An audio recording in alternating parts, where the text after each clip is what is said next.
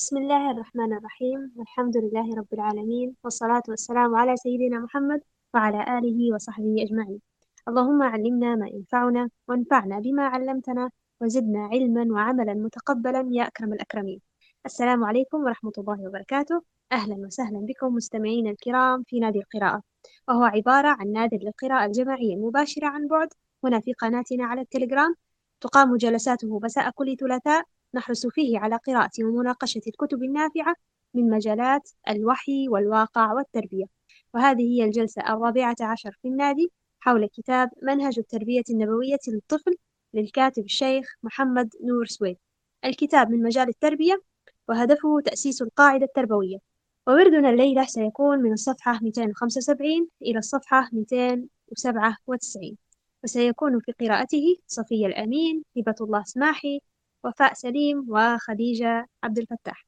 الجلسة مقسمة بين قراءة ونقاش حيث يتم قراءة جزء من الورد ثم نفتح باب النقاش آه لما دار حول الورد. وهكذا إلى أن تنتهي الجلسة. مدة النقاش تكون 15 دقيقة تقريبا. آه طبعا قبل ما نبدو نذكركم ونذكر نفسي بواجب الدعاء لأهلنا في غزة وأننا لا ننساهم من صالح دعائنا. وأن نبدأ هذه الجلسة بالدعاء لهم فأمنوا معي. اللهم يا من لا يهزم جنده ولا يخلف وعده ولا إله غيره كن لأهلنا في فلسطين ناصرا ومؤيدا ومعينا وظهيرا. اللهم انصرهم ولا تنصر عليهم. اللهم عليك باليهود ومن ناصرهم. اللهم لا ترفع لهم راية ولا تحقق لهم غاية. واجعلهم لمن خلفهم عبرة وآية. الدعاء أمر عظيم ولا نستهين به. وهذا أقل القليل ما نقدمه لأهلنا في فلسطين. وهو من أعظم الأمور في نفس الوقت. فحبيت نذكركم ونذكر نفسي بهذا الأمر. نبدأ جلستنا على بركة الله. وتفضل يا صفية. بسم الله توكلنا على الله. الأساس الاجتماعي الثاني إرسال الطفل لقضاء الحاجات. وهذا عامل هام في نشوء الطفل اجتماعيا إذ أن قضاء الحاجات للمنزل أو لأحد الوالدين ذو أثر فعال وإيجابي في حياة الطفل. فعال في طفولته إذ هو يتعرف على مجاهيل الحياة. فيشعر بفرح ونشوة المعرفة وثقة في مواجهة الأمور وفعال في مستقبله إذ يكون قد اكتسب مهارة وخبرة في طفولته التي تمكنه من متابعة حياته بخطى ثابتة مركزة بدون خلل أو اضطراب. خرج الإمام أحمد والبخاري ومسلم واللفظ لأحمد عن ثابت البناني عن أنس رضي الله عنه قال خدمت رسول الله صلى الله عليه وسلم يوما حتى إذا رأيت أني قد فرغت من خدمتي قلت يقيل رسول الله أي ينام بعد الظهر. فخرجت إلى صبيان يلعبون. قال فجئت أنظر إلى لعبهم. قال فجاء رسول الله صلى الله عليه وسلم على الصبيان يلعبون. قال فدعاني رسول الله صلى الله عليه وسلم فبعثني إلى حاجة له. فذهبت فيها وجلس رسول الله صلى الله عليه وسلم في في حتى أتيته واحتبست عن أمي عن الإتيان الذي كنت آتيها فيه. فلما أتيتها قالت ما حبسك؟ قلت بعثني رسول الله صلى الله عليه وسلم في حاجة له. قالت وما هي؟ قلت هو سر لرسول الله. قالت فاحفظ على رسول الله صلى الله عليه وسلم سره. قال ثابت قال لي أنس لو حدثت به أحدا من الناس أو لو كنت محدثا به لحدثتك به يا ثابت. ومن الخدمة التي يتدرب الطفل على فعلها وضع مائدة الطعام وذلك ليشارك الأسرة في العمل ويساهم في الإعداد ويتعرف إلى أماكن الأشياء ومسمياتها. روى النسائي عن أنس رضي الله عنه قال قال رسول الله صلى الله عليه وسلم وذلك عند السحور يا أنس إني أريد الصيام فأطعمني شيئا فأتيته بتمر وإناء فيه ماء وذلك بعدما أذن بلال أي الأذان الأول للفجر. قال يا أنس انظر رجلا يأكل معي. فدعوت زيدا بن ثابت فجاء فقال إني أريد شربة سويق وأنا أريد الصيام. فقال رسول الله صلى الله عليه وسلم وأنا أريد الصيام. فتسحر معه ثم أقام فصلى ركعتين ثم خرج إلى الصلاة. تلك التربية العملية التي تجعل الطفل لا ينسى ويحدث بها في كبره وتزاد إلى رصيد خبرته وتتكون شخصيته الاجتماعية. بالتفاعل مع الحياة والناس ولا ينتابه الخجل المقيت والتقوقع على نفسه بل ترفضه خبرته مع والديه مما يجعله واثقا من نفسه. لا تهزه المواقف الاجتماعية مهما اختلفت حدتها وقسوتها. الأساس الاجتماعي الثالث تعويض الطفل سنة السلام. السلام هو التحية الإسلامية بين المسلمين والطفل يتعرض للقاء أو للقاء الناس على اختلاف مستوياتهم فهو يحتاج ليتعرف على مفتاح الكلام معهم. ونلاحظ أسلوبا لطيفا من الرسول صلى الله عليه وسلم وصحابته في غرس سنة السلام في نفس الطفل وهو بدء الكبير بالسلام على الأطفال. حتى إذا عرفوا ذلك فإنك تراهم يبدأون بالسلام. أخرج البخاري ومسلم عن أنس رضي الله عنه أنه مر على صبيان فسلم عليهم وقال كان رسول الله صلى الله عليه وسلم يفعله. وقد تقدم قبل قليل حديث أنس رضي الله عنه فكان مما قال فجاء رسول الله صلى الله عليه وسلم فسلم على الصبيان وهم يلعبون. قال الحافظ ابن حجر معلقا وأخرج النسائي حديث الباب من طريق جعفر بن سليمان عن ثابت بأتم من سياقه ولفظه كان رسول الله صلى الله عليه وسلم يزور الأنصار فيسلم على صبيانهم ويمسح رؤوسهم ويدعو لهم وهو مشهر بوقوع ذلك منه غير مرة بخلاف سياق الباب حيث قال مر على صبيان فسلم عليهم فإنها تدل على أنها واقعة حال ولم أقف على أسماء الصبيان المذكورين وأخرجه مسلم والنسائي وأبو داود من طريق سليمان بن المغيرة عن ثابت بلفظ غلمان بدل صبيان ووقع لابن السني وأبي نعيم في عمل اليوم والليلة من طريق عثمان ابن مطر عن ثابت بلفظ فقال السلام عليكم يا صبيان وعثمان واهن. ولأبي داود من طريق حميد عن أنس انتهى إلينا النبي صلى الله عليه وسلم وأنا غلام في صبيان فسلم علينا وأرسلني في حاجة وجلس في الطريق ينتظر حتى رجعت. قال ابن بطال في السلام على الصبيان تدريبهم على آداب الشريعة وفي طرح الأكابر رداء الكبر وسلوك التواضع ولين الجانب. ثم قال الحافظ ويستثنى من السلام على الصبي ما لو كان وضيئا وخشي من السلام عليه الافتتان فلا يشرع ولا سيما إن كان مراهقا منفردا. وأما سلام الطفل على والديه أو الكبار فإنه يعود أن يبدأ هو بالسلام وبخاصة عندما يدخل البيت. روى البخاري ومسلم عن أبي هريرة رضي الله عنه أن رسول الله صلى الله عليه وسلم قال يسلم الراكب على الماشي والماشي على القاعد والقليل على الكثير وفي رواية البخاري والصغير على الكبير وروى الترمذي عن أنس رضي الله عنه قال قال رسول الله صلى الله عليه وسلم يا بني إذا دخلت على أهلك فسلم يكن بركة عليك وعلى أهل بيتك. وقال حديث حسن صحيح. الأساس الاجتماعي الرابع عيادة الطفل إذا مرض.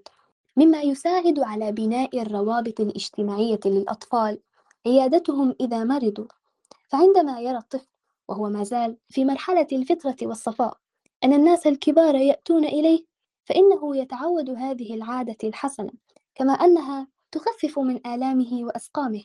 وإذا دعمت هذه الزيارة بدعوة الطفل للإسلام وتثبيته على الإيمان والتوبة والمغفرة إلى الله فإن العيادة تؤتي أكلها كاملة مثمرة مضاعفة الأجر. وهذا ما فعله صلى الله عليه وسلم.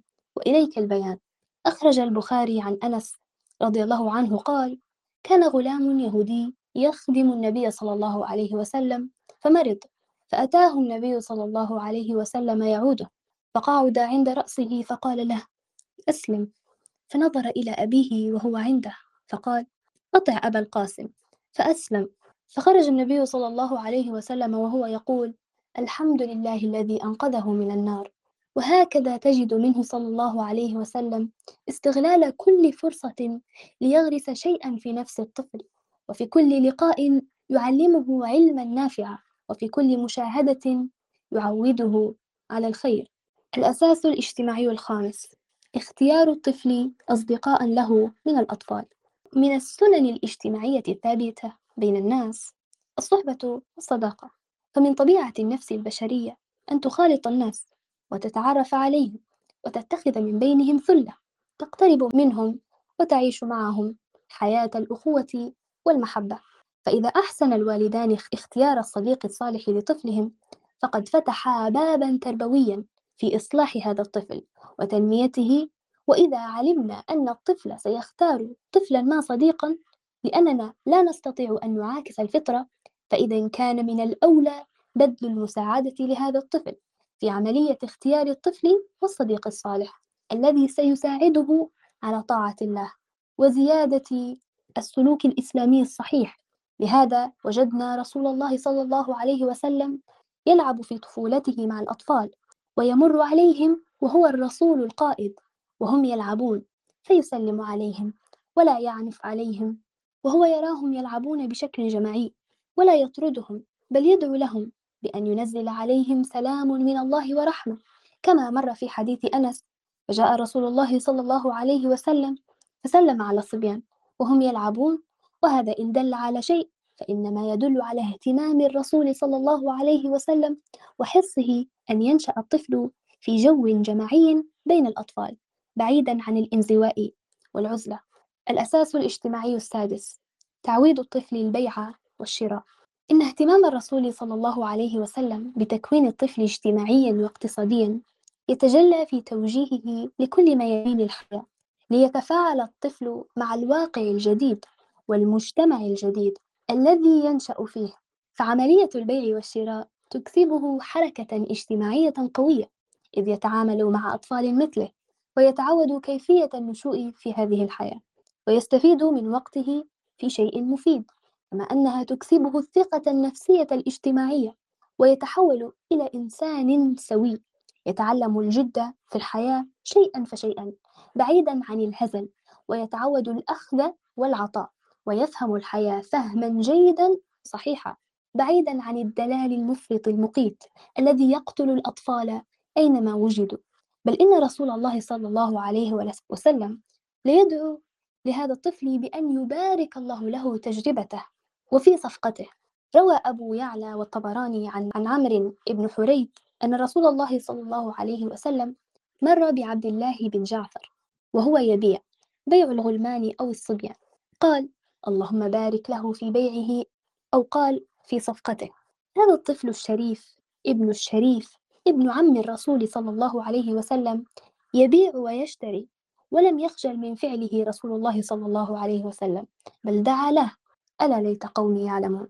الأساس الاجتماعي السابع حضور الأطفال الحفلات المشروعة والأعراس.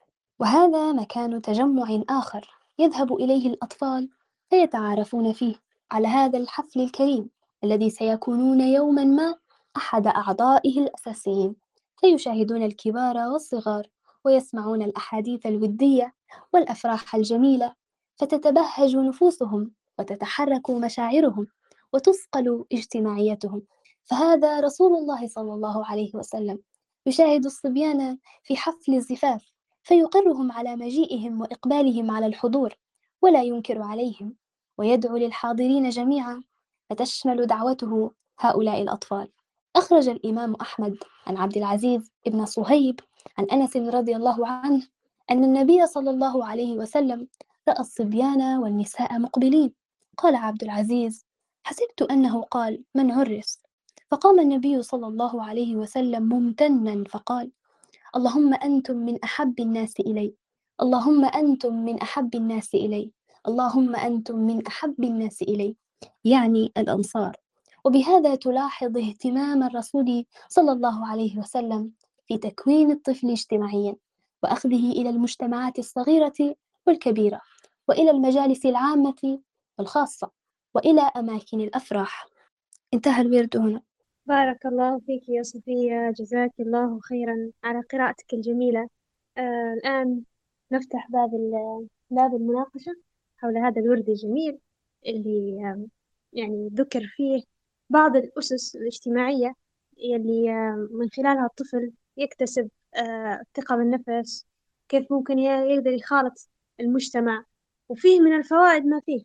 فطبعا هو ذكر هنا إحنا هذا الأساس الاجتماعي أو البناء الاجتماعي. سبق المرة الماضية قرينا واحد من الأسس كان حول اصطحاب الأطفال للمجالس. واليوم استكملنا باقي الأسس اللي هو الأساس الاجتماعي الثاني إرسال الطفل لقضاء الحاجات وتعويض الطفل على سنة السلام. وأيضا الأساس الرابع عيادة الطفل. والأساس الخامس اختيار الطفل أصدقاء له صالحين. والأساس السابع حضور الأطفال الحفلات المشروعة. أه سبحان الله في هذه الأسس الاجتماعية كلها في حاجة المرة اللي فاتت أه تم ذكرها في الورد ونحب نعاودها مرة ثانية إنه هو لما ذكر أهمية أه هذه الأسس الاجتماعية ذكر إن الطفل لما يتم اصطحابه أو يتم الاعتماد عليه في بعض الأمور في بعض أمور قضاء الحاجات أو لما يعود كيف يسلم على الناس هذا كله قال آه، الكاتب ذكر إن الطفل تلاحظ عليه بعض مثلا الأمور السلبية أو بعض السلوكيات فأنت تقدر تقومها لكن ما دام الطفل قاعد في المنزل قاعد معزول قاعد متقوقع نوعا ما فأنت في حاجات في شخصيته في في بنائه مرات ما تعرفهاش. فمعاشرة والمخالطة و... و... وإعطائه للمسؤولية حتبين لك بعض الصفات اللي في الطفل اللي لو اكتشفتها هو صغير حتقدر أنت تقومها قبل ما هي آه، تزيد تصبغ في شخصيته أو إن هي آه، تصبح آه، عادة أو صفة فيه دائمة. لما يكبر يصعب عليه يعني إنه هو يتركها. فهذه واحدة من الأشياء نشوفها المهمة جدا جدا. حول حول يعني من ثمار الأسس الاجتماعية. حنعطي الكلمة لبسمة. تفضلي بسمة. نفتح لك المايك بس. تفضلي بس السلام عليكم ورحمة الله وبركاته. جزاكم الله خيرا صفية وهاجر على القراءة الطيبة والمشاركة الطيبة. أنا أمانة بنعقب على فقرة اللي هو مشاركة الطفل في في تحضير مثلا الطاولة أو المهام المنزلية وأثرها سبحان الله. لأن إحنا عادة الأمهات خاصة في في المهام المنزلية نحب اللي هو آه، نكونوا دقيقين أنا اللي بندير الحاجة أنا نبيها كيف ما نحب كيف ما ندير. فهذا التصرف عادة يعود بالسلب على الأطفال لأن يبدو ما يبغوا يشاركوا. ديما في انتقاد عالي ديما في كأنني يعني ما عمريش حنوصل لدرجة الرضا اللي أنت تبيها مني. فلكن هي سبحان الله لو بس نوسعوا بالنا حيكون لها أثر هلبة كبير مع الصغير. آه، أنا في موقف مرة صار معي مع عمودي. ناض قبلي من النوم ووتا الفطور يعني وتا دار طلع حاجات من الثلاجة وهو يعرف يدير دحي فدار دحي ونوضني. فكان هذاك اليوم جدا جدا جدا سعيد. وغير إنه جدا سعيد إنجازه في يومه كان جدا عالي. يعني كتب واجباته بسرعة آه، دار دروسه بدون آه، جدال. فسبحان الله لها علاقة هلبة كبيرة إنه حس إنه هو أنجز في يومه. حس إنه هو أسعد اللي حوله أسعد عائلته فسبحان الله بالفعل يعني أثرها هذا عظيم الواحد لازم يركز عليه. جزاكم الله خير. بارك الله فيك يا بسمة. آه، شكرا جزيلا. ديما على مشاركاتك الجميلة واللي تورينا بعد ممكن إحنا آه، ما نحطوش به إلا من خلال تجربة يعني. آه سبحان الله يعني فعلا هو الطفل أو حتى إحنا الكبار لما نديروا حاجة تكون مش معتادة أو حاجة جديدة علينا إحنا نبغى نديروها من قبل. ونديروها سبحان الله الإنسان يعني يشعر بطاقة إيجابية ويتحمس بقية اليوم وفعلا ينجز. هذا اللي حس فيه عمر سبحان الله واللي واللي خلاه ينجز لباقي اليوم. آه يعني حنعرج على باقي باقي الأسس الاجتماعية. إلا لو كان حد عنده مشاركة فممكن نعطيه الكلمة. تمام. آه واحدة من الأسس الاجتماعية اللي نبي نعرج عليها هي قضاء الحاجات والتعليم أو تعويض الطفل البيع والشراء أو خلينا نتكلم شوية على البيع والشراء في البداية. يعني سبحان الله ممكن هو كذا الطفل مش حيكون إحنا كلنا ضد آه، يعني إن الطفل هو اللي يكون مثلا معيل. يعني يعني إنه هو يشتغل مثلا وي ويعني ناحية من ناحية ال... من ناحية إنه هو يعني يقهر من ناحية طفولته بسبب ظروف معينة. ولكن فكرة إن الطفل من صغره يعلم المسؤولية ويعلم إنه هو يكون يعني يتم يتم الاعتماد عليه من صغره بطريقة تربوية يكون الأب والأم هم المسؤولين عليها هذه لها فوائد عظيمة. أيضا قصة عملية البيع والشراء وإنه هو يخالط ويعطي ويأخذ آه، ممكن من خلالها يتعلم أشياء آه، متعلمهاش المدارس أو أو الجامعات أو شيء. وهي حاجات مهمة جدا اللي هي الأمانة والوفاء والحرص وكيف إنه هو ما يخونش وكيف إنه هو يتعامل بتعامل حسن والأخلاقيات الحسنة. في فيديو نتذكر فيها انتشر مدة ماضية أعتقد من سنة أو سنتين لطفل كان مش عارفة من أما دولة كان آه، عنده جايب يعني آه، شيء يبيع فيه بطاطا أو شيء من هذا القبيل. ف...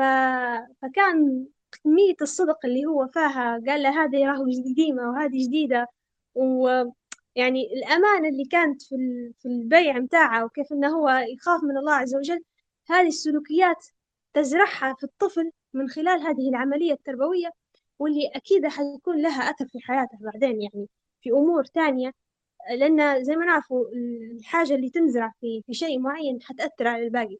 فلما الطفل يتعلم في عملية تربوية زي هذه بيع وشراء أو أو إنه هو ينبعث لمحل أو حاجة زي هيك فهذه حت حتأثر في بقية حياته أو تنعكس تنعكس سلوكياتها في باقي الأمور في حياته في حاجة تانية حتى هنا بنعرج عليها. طبعا إلا إذا كان عندكم شيء تقولوه اللي هي سنة تعليم الأطفال السلام.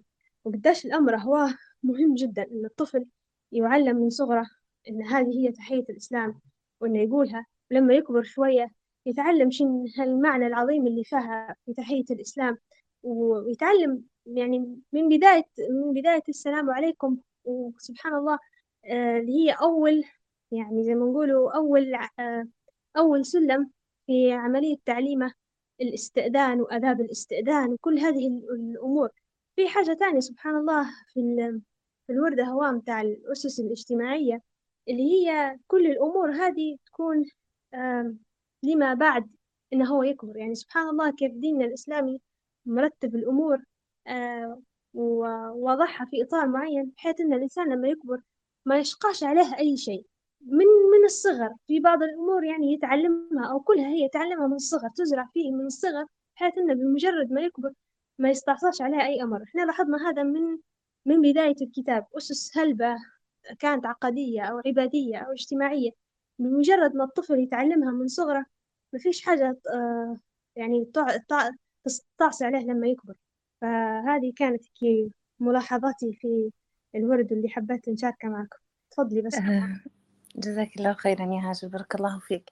أنا صراحة كنت نبي نعقب على نقطة اللي هو البيع والشراء وتعليمه للأطفال. آه، وفي حاجة تانية يستفيد منها الطفل في موضوع اللي هو تعلم الشراء احتياجات خاصة في موضوع الأكل إنه هو يطلع يش يعني يشتري الخضار اللحم الحاجات هي فلما يوصل الحوش وتندار الطبخة وتندار الغداء والعشاء يحس بقيمة الأكل سبحان الله إنه والله هي مش عبرة كتبرة وطق الأكلة كانت جاهزة وما كان شيء تعب فنحس يبدأ عنده تقدير أكتر لأبوه وللنعمة اللي ربي رزقنا بيها وكذلك تقدير للأم. فنحس التعب هو سبحان الله ديما يولد عنده اللي هو حقيقة هذا الشيء لأن أغلب الصغار ديما أنه لما يبدأ ديما متوفر عنده الحاجة قدامه بدون ما يعرف إن هي طرق وصولها إليه أو المصادر أو أو التعب اللي مر فيها طويل باش وصلت له يبدأ النكران هلبة كبير عند الصغير عدم الرضا التململ يعني زي ما نقولوا يتشرط خلينا نقول أكثر فسبحان الله ليها ليها هلبة أبعاد يعني في التعلم سبحان الله. جزاكم الله خير. بارك الله فيك يا بسمة. فعلا سبحان الله آه، يتعلم التع... الأبعاد اللي تكون في, في الأمر. حتى مثلا البنات الصغيرات لما يخشوا الكوجينة ويبدون ما يبغوا يشاركوا في عملية الطبخ ولا حاجة يحسوا حتى هم بقيمة الشيء ويعرفوا زي ما حكيتي يعني باش يوصلك أنت هالأكلة هو قداش مر بعملية. إحنا توا مش عارفة في ليبيا هل هذا الشيء بعض بس أعتقد مش مش بكثرة ولكن دول غيرنا يعانوا منها. الأمر هو اللي هي الماكلة السريعة وإن كل شيء يكون بضغطة زر جاهز وما فيش يعني سهل عليهم يعني سهل الأمر بالنسبة لهم اللي هو فكرة إن اللي تبيه يحضر لك. أيضا هذا الأمر يعني يخلي الطفل نوع من الاتكالية لكن لما هو فعلا يشارك في الأمر ويكون يساعد في عملية شراء الأشياء أو صناعة الأكل أو أي حاجة في المنزل يحس بقيمتها أكثر. آه هذه واحدة من سبحان الله زي ما حكيت يعني من الأبعاد وغير في أبعاد أخرى. في آه أساس اجتماعي مهم جدا جدا جدا وهو آه اللي هو اختيار الطفل أصدقاء له. يعني سبحان الله التركيز على هذا الأمر زي ما نعرف إحنا أثر الصحبة قداش ما لها أثر عظيم قداش ما وردت في أحاديث نبوية. وفي القرآن أيضا الشخص اللي يدخل النار أعاذنا آه، منها أعاذنا الله منها يعاتب قرينة أو خليلة فأمر الصحبة أمرها عظيم. فإن الطفل من الأول آه، يتم مساعدته في اختيار خليلة وصديقة أو يحاط ببيئة صالحة تعينه حتى لو هو يكون موجود في المجتمع اللي مرات هو ما ترباش على نفس قيمه ونفس مبادئه. لما يكون معه صديق أو خليل أو قرين أو مجموعة الطفل هو صعب إنه مثلا يتأثر بهم لأن في مجموعة تانية حترده تقول له لا إحنا ما تربيناش هيك أو ما درناش هيك ف... فوجود حد من نفس عمرك ومن نفس ال... الأفكار والقيم اللي أنت تربيت عليها حيعينك فعلا على مقاومة كل الأمور اللي تكون في المجتمع. إحنا نشوفه يعني مرينا كلنا بمراحل الطفولة وشفنا في المدارس وشفنا في البيئات إن كيف تكون في أمور لم يعني مش متربيين عليها. ولكن الحمد لله قدرنا نجتازوها في للأسف ما قدرش يجتازها لأنه كان بروحه في معمعة المجتمع أو معمعة الأصدقاء اللي مش صالحين. لكن لما بمجرد ما يكون الحد عنده صديق صالح أو صديق خلينا نقوله من نفس قيمة ومبادئه يقدر يبعد عن الطريق هذه ويكونوا هم الزوز متعاونين على الأمر هذا. واحد ينسى يذكر الثاني وهكذا. فهذا أساس اجتماعي مهم جدا جدا. لو حابين تعلقوا عليه أو ممكن نستكمل باقي الورد. جزاكم الله خيرا. آه، أنا أمانة تعقيبي على موضوع الصحبة. هو أثر الوالدين في اختيار الصحبة. الصحبة الصغار سبحان الله لما يبنوا صحبة ما يقدرش يبني صحبة بمجرد إنه يلا هذا الولد كويس تعالى صاحبه. سبحان الله هذه النقطة أنا أواجه فيها إشكالية أمانة من لما جيت لليبيا أن نحاول نفهم للناس اللي حولي أن الصحبة الصالحة تحتاج أن الأم تبني علاقة مع أم هذا الولد الأب محتاج يبني علاقة فهي فيها سعي وفيها مجهود سبحان الله. لأن الصغير لما يشبح أن الأم حتى هي مثلا صاحبة أمه أو أبوه صاحبة أبوه سبحان الله العلاقة هذه تقوى فيها نوع من القوة تبدأ متينة خلينا نقوله بالضبط تبدأ متينة. غير إن مثلا والله هذا ولد كويس صاحبه وهيك ممكن يصاحبه فترة بالفعل ممكن لكن سرعان ما الصحبة في بأي أثر أو بأي ظروف تحسيها سبحان الله آه، تضعف أو تقل. فديما هذا الشيء اللي نحاول نوعي به الناس اللي حولي إن الصحبة تبي مجهود تبي سعي من الأهل. ما هيش شيء يجي هيك أو يجي صدفة أو والدعاء طبعا حليفنا والدعاء هذا معانا لكن يعني الدعاء مع السعي. فهذه صراحة يعني أكثر نقطة نشبح فيها إحنا كشعب ليبي عندنا فيها ضعف وعندنا فيها عدم وعي. وجزاكم الله خيرا. بارك الله فيك بسمة جزاك الله خيرا. قبل ما نعطي الكلمة هبة خلينا نعقب شوي. فعلا الكلام اللي قلتيه مزبوط. وحتى أن الأسر محتاجة فعلا إن هي تكون روابط مع مع العائلات الأخرى. ومش بس مع عائلة واحدة محتاجة إن هي تكون مع أكثر من عائلة وتعطي مساحة للطفل إنه هو خلال هالمجتمع اللي عنده لو توفر طبعا إنه هو فعلا يختار من هالمجموعة أو من الثلة صديق ليه. ونحس حتى من الأمور اللي ممكن تسهل على على الطفل إنه هو ينسجم مع مع حد تاني شبيه ليه غير إنه هو يعني نفس يعني زي ما يقولوا نفس الأمور التربية متربي عليها حتى إن الأعراف الاجتماعية تكون للأسرة نفسها. يعني أنا واحدة من الناس مثلا آه، حاجات اللي ممكن تزيد رغبتي في إنني نتقرب من حد من بنات من صديقة أو شيء لما نكتشف هذا سبحان الله جانب مش عارفة لو تشاركوني فيه ولا لما نكتشف إن هي زي زيني مثلا أو تربت بنفس الطريقة أو العادات الاجتماعية متاعها نفسها أو أو بعض السلوكيات في الأسرة نفسها فيحس الإنسان بألفة أكثر في الجانب هو. هذا مش عارفة هذا من أقل أنا من من تجربتي ومش عارفة لو الباقي يوافقني في الرأي. ففعلا الكلام اللي قلتيه مهم ونأكد عليه. نعطي الكلمة لهبة تفضلي هبة. السلام عليكم. بارك الله فيكم على هذه المشاركات. الطيبة سبحان الله ما كنت أريد قوله قالته بسمة.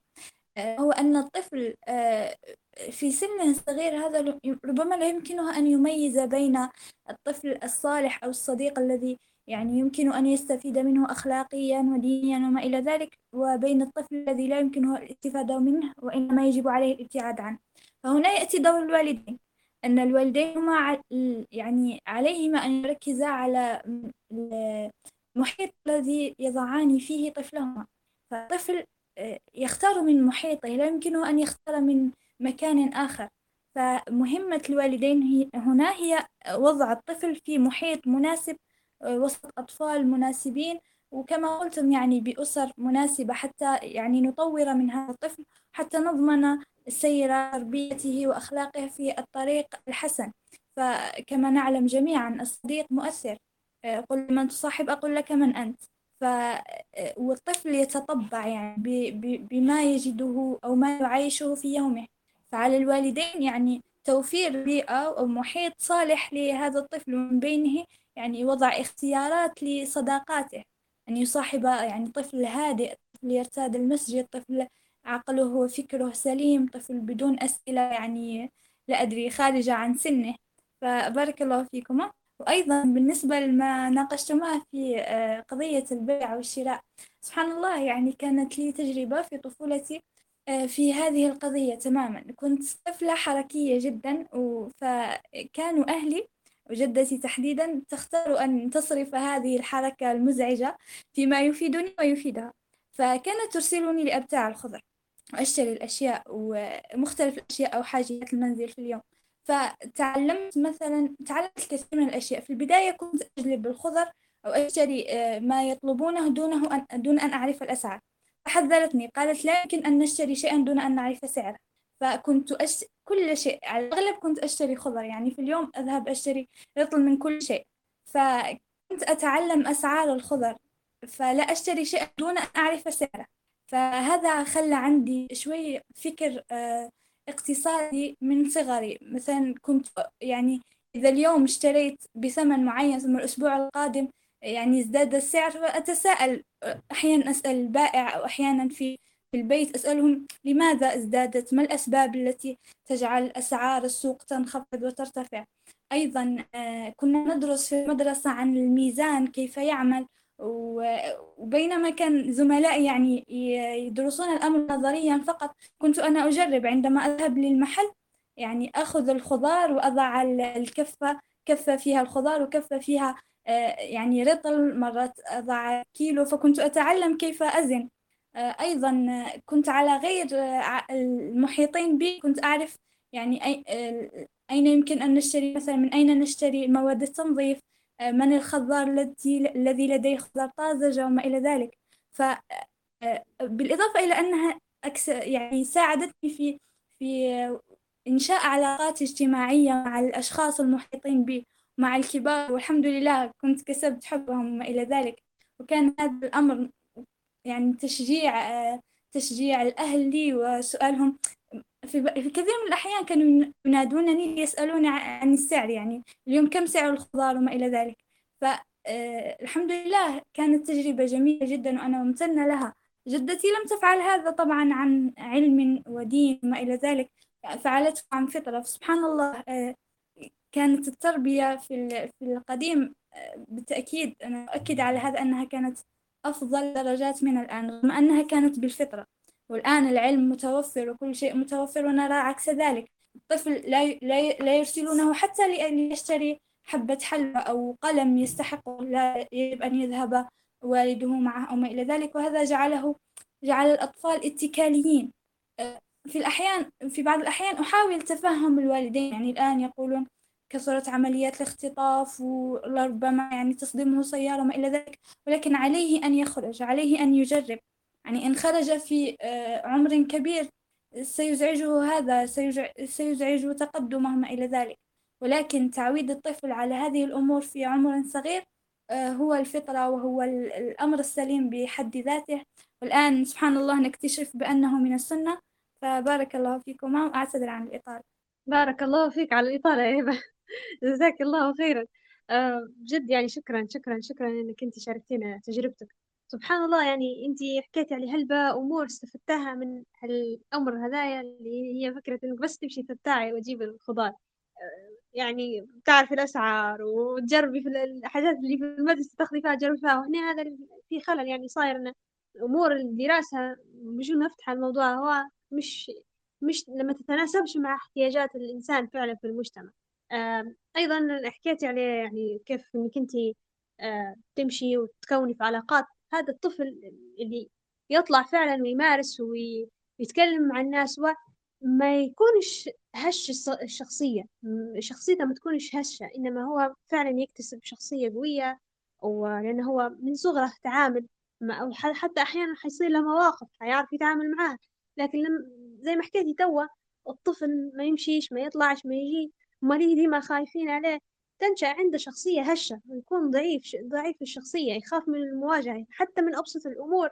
آه، في نفسه ما يقدرش هو أنه هو يتخطاها وهذه مشكلة يواجه فيها المجتمع. كان في كتاب دار اسمه الهشاشة النفسية وسارد هلبة أمور فواحدة منها الأسباب إنه هو ديما تعود على الاتكالية زي ما زي ما حكيته بسبب إنه لم يشجع يوما إنه هو فعلا يمشي ويتم الاعتماد عليه.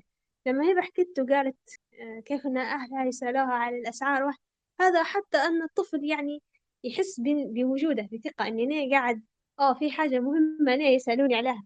هذه حاجات آه، مهمة إن الطفل يشعرها في في صغره.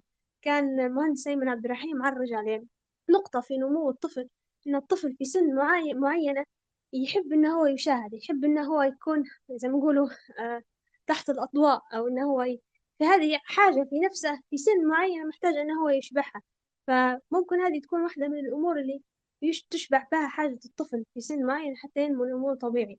فبارك الله فيك يا هبة مرة ثانية ولو أي حد عنده مشاركة فممكن نزال ناخذها كما يبدو أن ما فيش أي مشاركات فممكن الآن ننتقل لتكملة الورد مع هبة. فتفضلي يا هبة. بسم الله.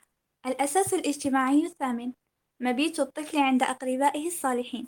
إن خروج الطفل من بيته إلى بيت أحد أقربائه الصالحين ونومه عندهم فيه تدريب له على رؤية أسرة ثانية فيتدرب على التعامل مع أقربائه ويستفيد منهم علما وفهما وعبادة وصلاحا كما فيه تدريب على صلة الأرحام وزيادة أواصر المحبة مع أقربائه بالإضافة إلى ترك أثر طيب في كبره عندما يتذكر مبيته وزياراته الطفولية فيرويها ويعتز بها كما فيها تدعيم لحسن العلاقة الاجتماعية.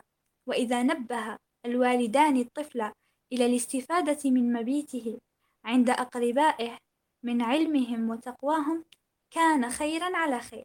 فهذا ابن عباس رضي الله عنهما يعلم الأطفال جميعا الحرص على زيارة الأقرباء الصالحين والاستفادة منهم. أخرج البخاري عن ابن عباس رضي الله عنهما قال بت في بيت خالتي ميمونة بنت الحارث رضي الله عنها زوج النبي صلى الله عليه وسلم وفي رواية غير البخاري لأرقب صلاة رسول الله صلى الله عليه وسلم.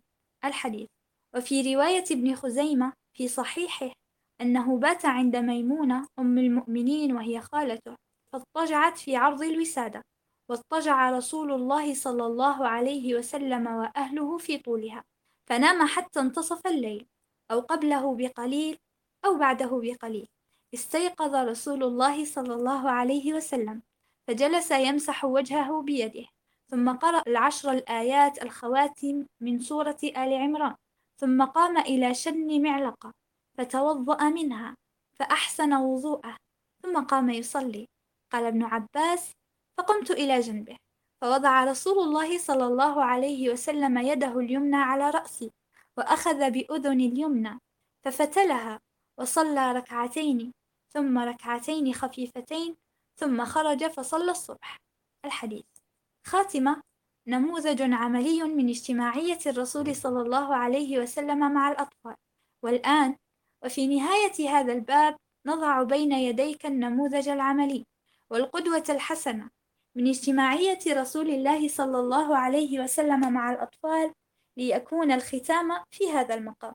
أخرج البخاري ومسلم والترمذي وأبو داود عن أنس رضي الله عنه قال كان رسول الله صلى الله عليه وسلم أحسن الناس خلقا وكان لي أخ يقال له أبو عمير وهو فطين.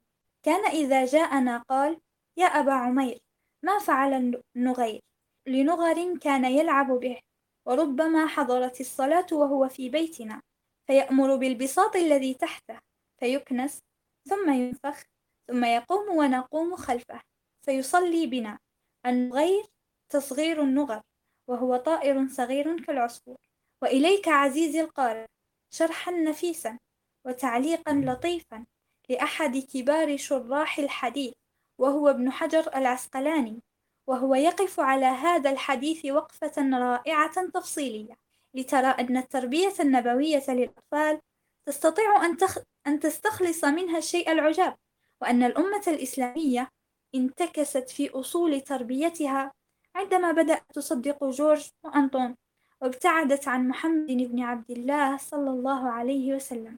قال الحافظ ابن حجر في هذا الحديث عدة فوائد جمعها أبو العباس أحمد بن أبي أحمد الطبري المعروف بابن القاص الفقيه الشافعي صاحب التصانيف في جزء مفرد وذكر ابن القاص في أول كتابه أن بعض الناس عاب على أهل الحديث أنهم يروون أشياء لا فائدة فيها ومثل ذلك الحديث بحديث أبي عمير هذا.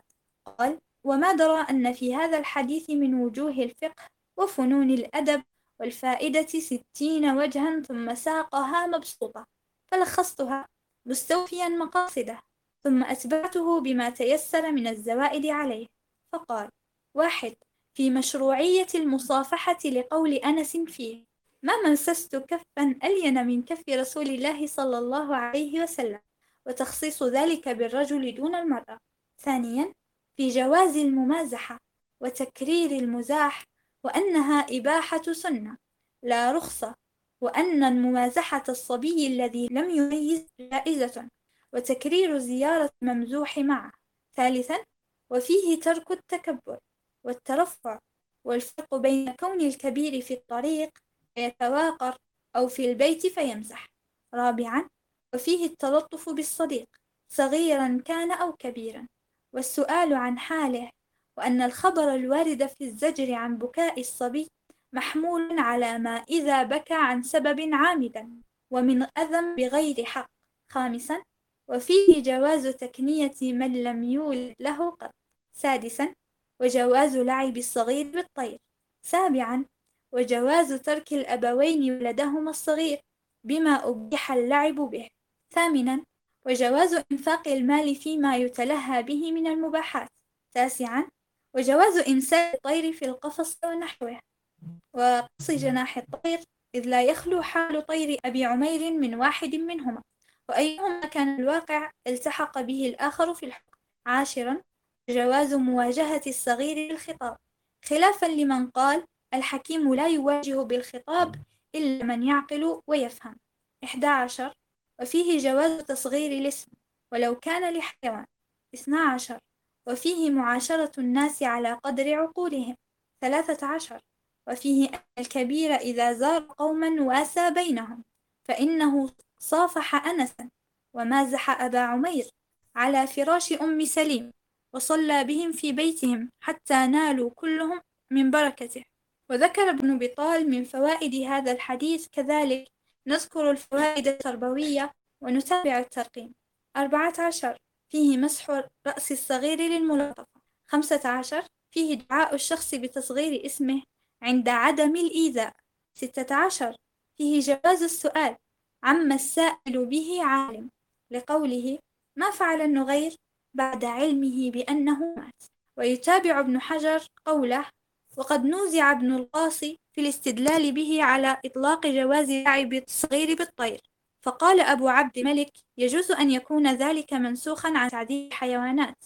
وقال القرطبي الحق أن لا نسخ بل الذي آه، رخص فيه للصبي إمساك الطير ليلتهي به وأما تمكينه من تعذيبه ولا سيما حتى يموت فلم يبح قط.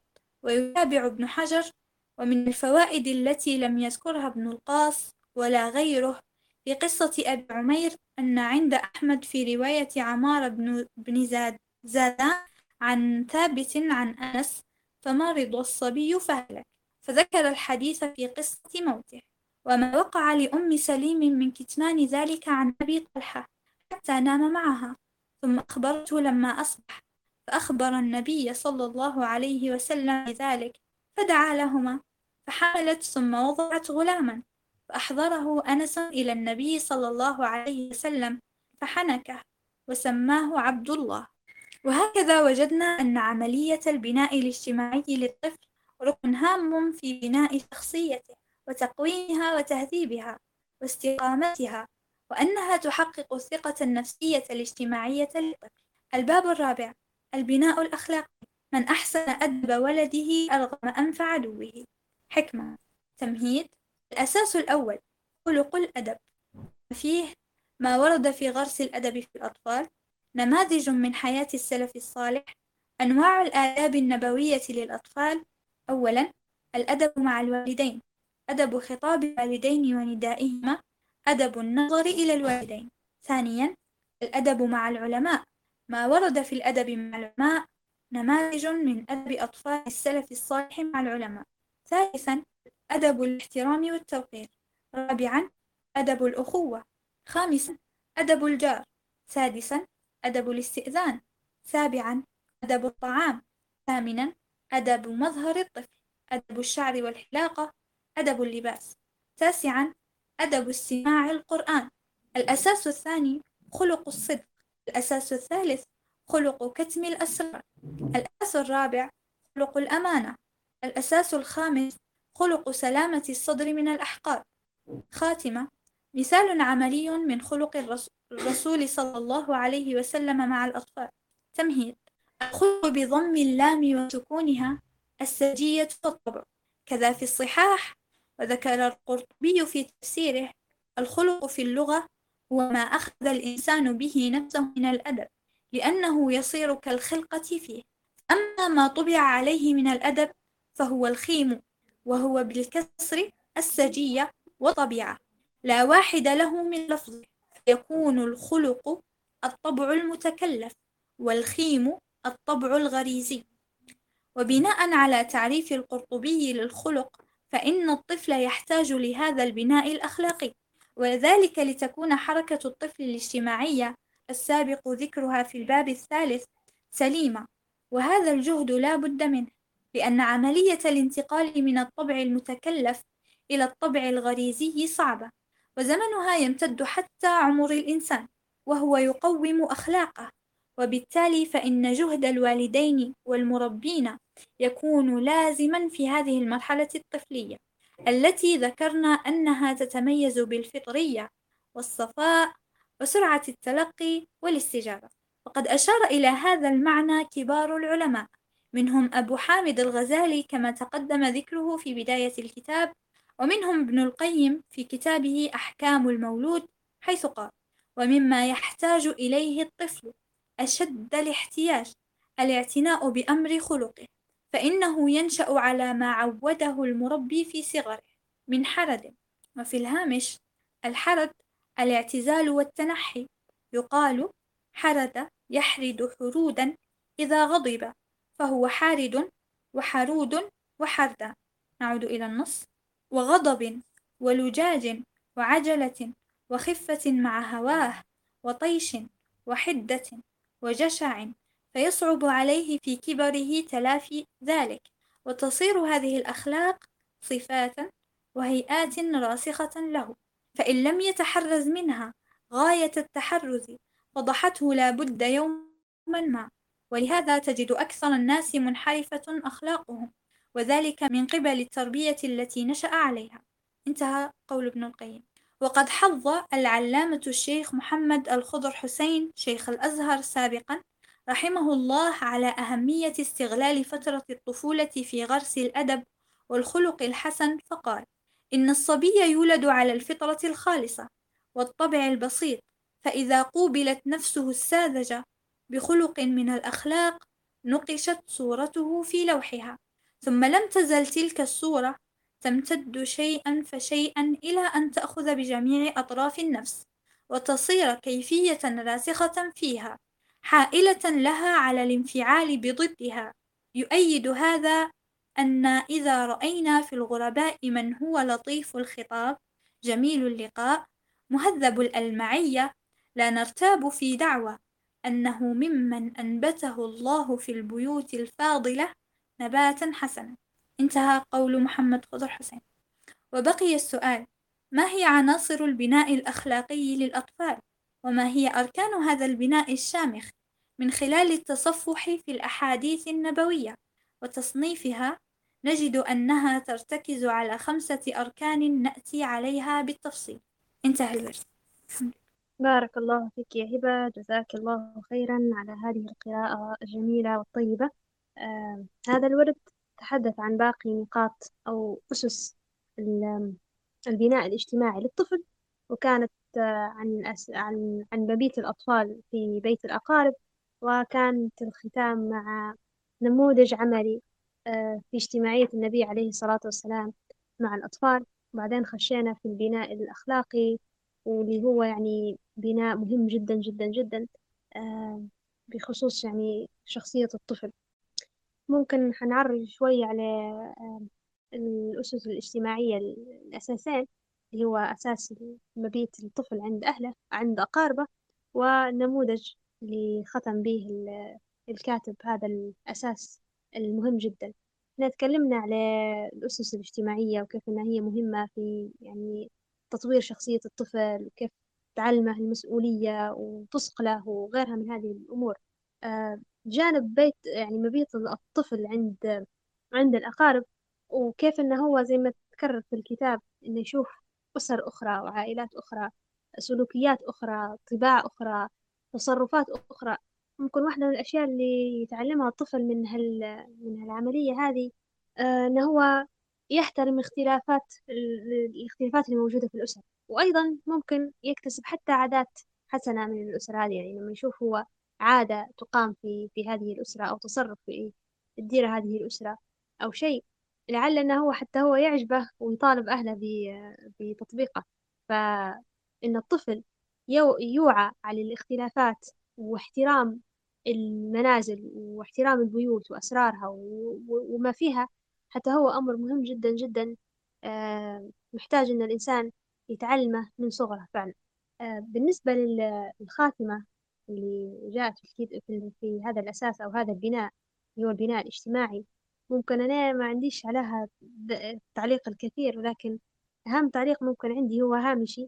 لكن سبحان الله يعني العلماء قديش ما بذلوا مجهود عظيم في استخراج الفوائد من الأحاديث النبوية. يعني ممكن حديث هيك بسيط يمر عليك إنسان ما يستشعرش هو يستشعر بعظمته لكن ما يقدرش مثلا يتمعن في كم الفوائد اللي ممكن يجدها في هذا الحديث.